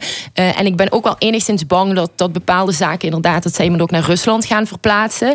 Ehm, ja, maar ik denk nog steeds dat het goed is. Met, met hoge symbolische waarde bedoel ik gewoon inderdaad... dat andere bedrijven eh, dit, dit ook gaan doen. Ehm, dus ja, ik, ik denk toch dat het goed is. Nou, sterker nog, ik denk dat je ook andere dingen gaat stimuleren. De toekomst, de nieuwe ontwikkelingen, de duurzame ontwikkelingen... die kunnen daarmee een steentje in de rug krijgen. En juist die fossiele industrie, die al 50 jaar hetzelfde doet... en die het liefst nog 50 jaar hetzelfde blijft doen... daar hoeven we niet meer mee in gesprek te gaan. Want die willen toch niet veranderen. Ja. En iedere keer wat ze ons beloven met dat 1%... Nou ja, als je een aandelenbelang hebt, als je een aandelenbelang hebt, kun je druk Ja. uitoefenen op, Ja. op vermindering van uitstoot dat van gebeurt ook CO2. binnen Shell zelf gelukkig tegenwoordig. Maar Ja, moet oké. ABP dat doen? Maar nog denk- steeds niet genoeg. Nee, want, want Shell. De meeste investeringen gaan toch nog steeds naar fossiele brandstoffen en niet naar hernieuwbare energie. Ja, maar ligt Shell Dus- hier wakker van, van deze... Nee, natuurlijk niet. Maar het is, Nou, nou ja, van, Ze betreuren van- het wel, officieel. Het feit, maar- het feit dat, eh, het feit dat zo'n belangrijke investering teruggetrokken wordt, dat doet pijn natuurlijk. Hè? Ehm, dus, dus het is wel degelijk een belangrijk signaal. Eh, er staat tegenover dat. eh, ik vraag me af of het veel uithaalt. Als je bedenkt, eh, waar verdient Shell zijn geld mee? Dat is het verkopen van olie en, en, en dit soort middelen. Daar zullen ze mee blijven doorgaan. Dat is hun, hun bestaansreden. Ja, maar Shell kan vergroenen, hè? Ja, Shell kan, kan- zich toeleggen op Shell andere energiebronnen. En dat is wat ik zeg. Shell doet er 50 jaar hetzelfde en doet het liefst voor 50 jaar nog steeds hetzelfde. Olie oppompen, vermarkten, winst maken. En daar moeten wij vanaf. En als een bedrijf, een groot speler zegt, wij doen daar niet meer aan mee, dan geeft dat een hele Ja, belangrijke dat klimaatrapport roept toch op om te stoppen met nieuwe eh, olie, grootschalige Ja, daarom. oliewinningen. en Dus zo. stop daarmee, want dan hoef je niet met Shell te praten. Ja, nou, bruggetje is al gemaakt naar ons volgende onderwerp. De VN-klimaattop in Glasgow. Die begint vandaag. Ja, dat de nood hoog is. Ja, dat zal niemand eh, verrassen nog. Gaan we een historische top meemaken... in de zin dat er harde maatregelen afgesproken gaan worden? Wie is daar positief over? Ja, ik ben er niet heel eh, positief over. Eh, het is natuurlijk wel een heel belangrijke klimaattop, inderdaad. En vooral ook als je gaat kijken naar al die ontwikkelingslanden... die ook straks de dupe gaan zijn van ja, de klimaatverandering.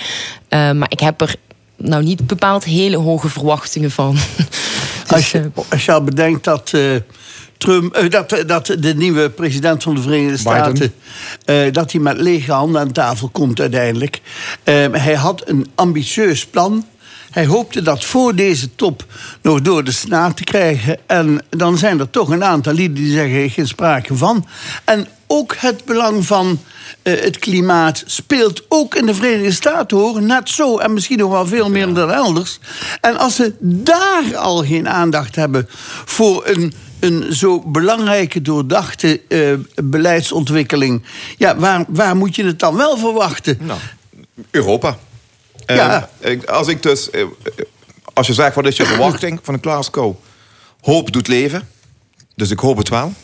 Anderzijds, we hebben eh, vijf jaar geleden in Parijs ook gezien. Dat was heel ambitieus. Wereldleiders vielen elkaar huilend om de arm. We gaan een stappen zetten. Nou, we zien nu zes jaar later, daar worden wel stappen gezet. Dit is te weinig. We moeten nieuwe dingen. Gaat dat gebeuren? Inderdaad, Amerika, Biden, zijn meest belangrijke week was een periode. Gaat hij het halen? Weten we niet. China.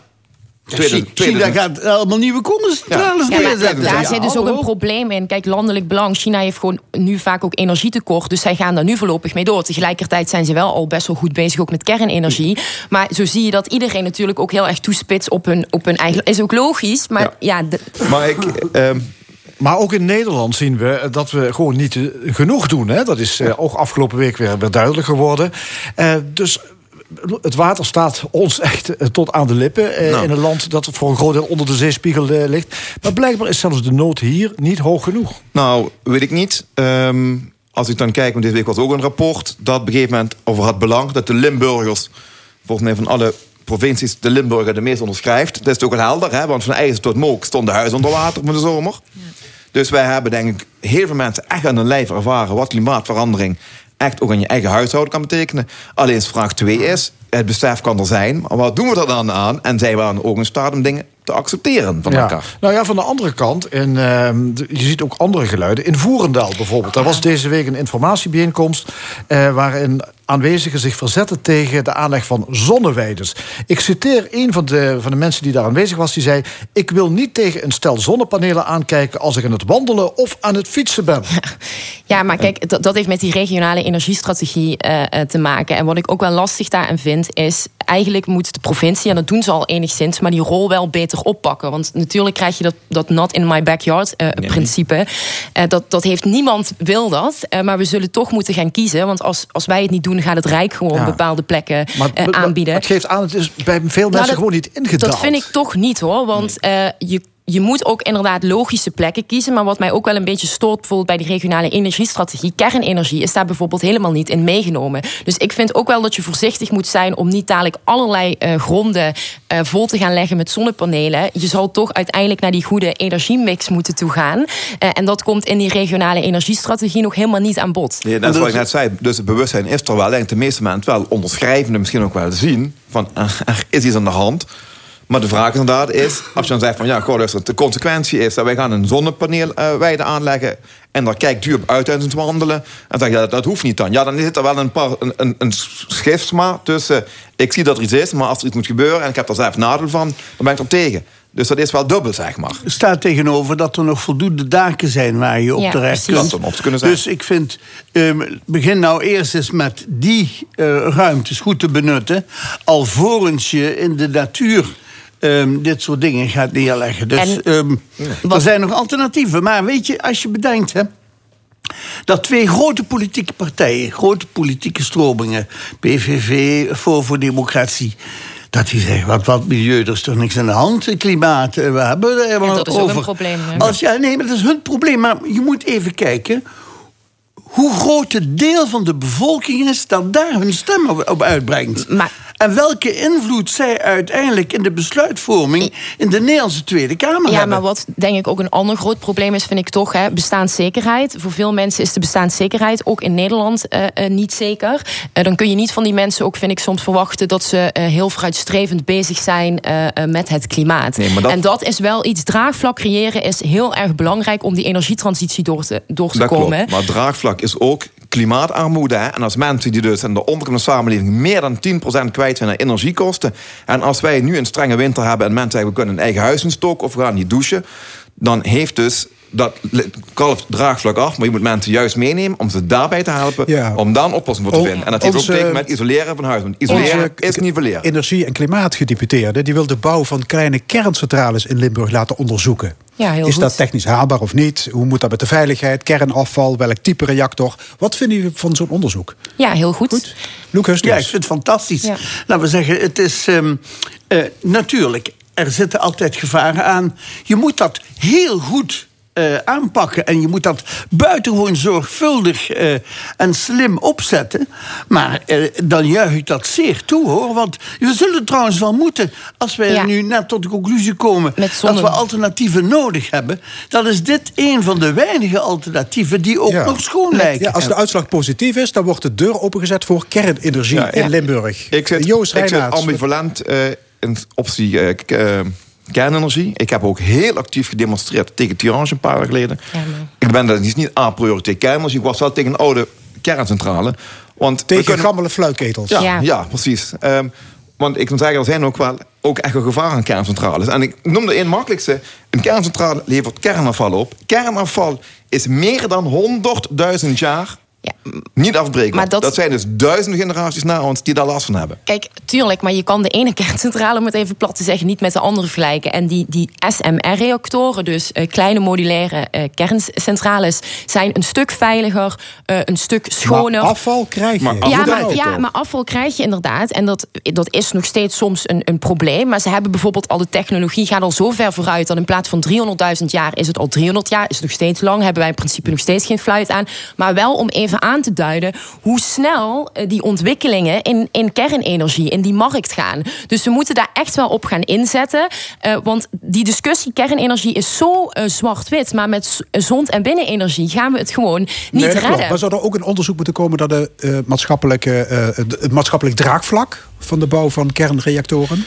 Vind ik zeker een belangrijke voorwand. Want een kerncentrale links en rechts heeft impact op de regio. Dus dat dan- moet je wel zeker meenemen. Maar dan moet wel het, het eerlijke en het duidelijke verhaal. Dus je moet het dan inderdaad niet met oude kerncentrales gaan, gaan vergelijken. Want dan blijf je inderdaad in een zwart-wit discussie dat is wat ik zei. Ik ben Maar ja, weet je, het gekke is de publieke opinie. eh, Duitsland is bezig ze allemaal weg te zetten en af te bouwen. En dan Macron zou- wil ze weer gaan bouwen. Ja. En dan zou je ze Nederland weer tevoorschijn halen. Hartelijk dank. Discussiepanel vandaag met Luc Hustings, Joost Reinaerts en Gabrielle Heijnen.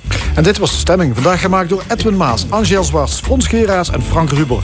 Graag tot volgende week, zondag om 11 uur weer op deze zender. Dit programma wordt herhaald maandagavond om 8 uur en is ook te beluisteren via onze website l1.nl en ook via podcast. Ik wens u nog een hele mooie zondag.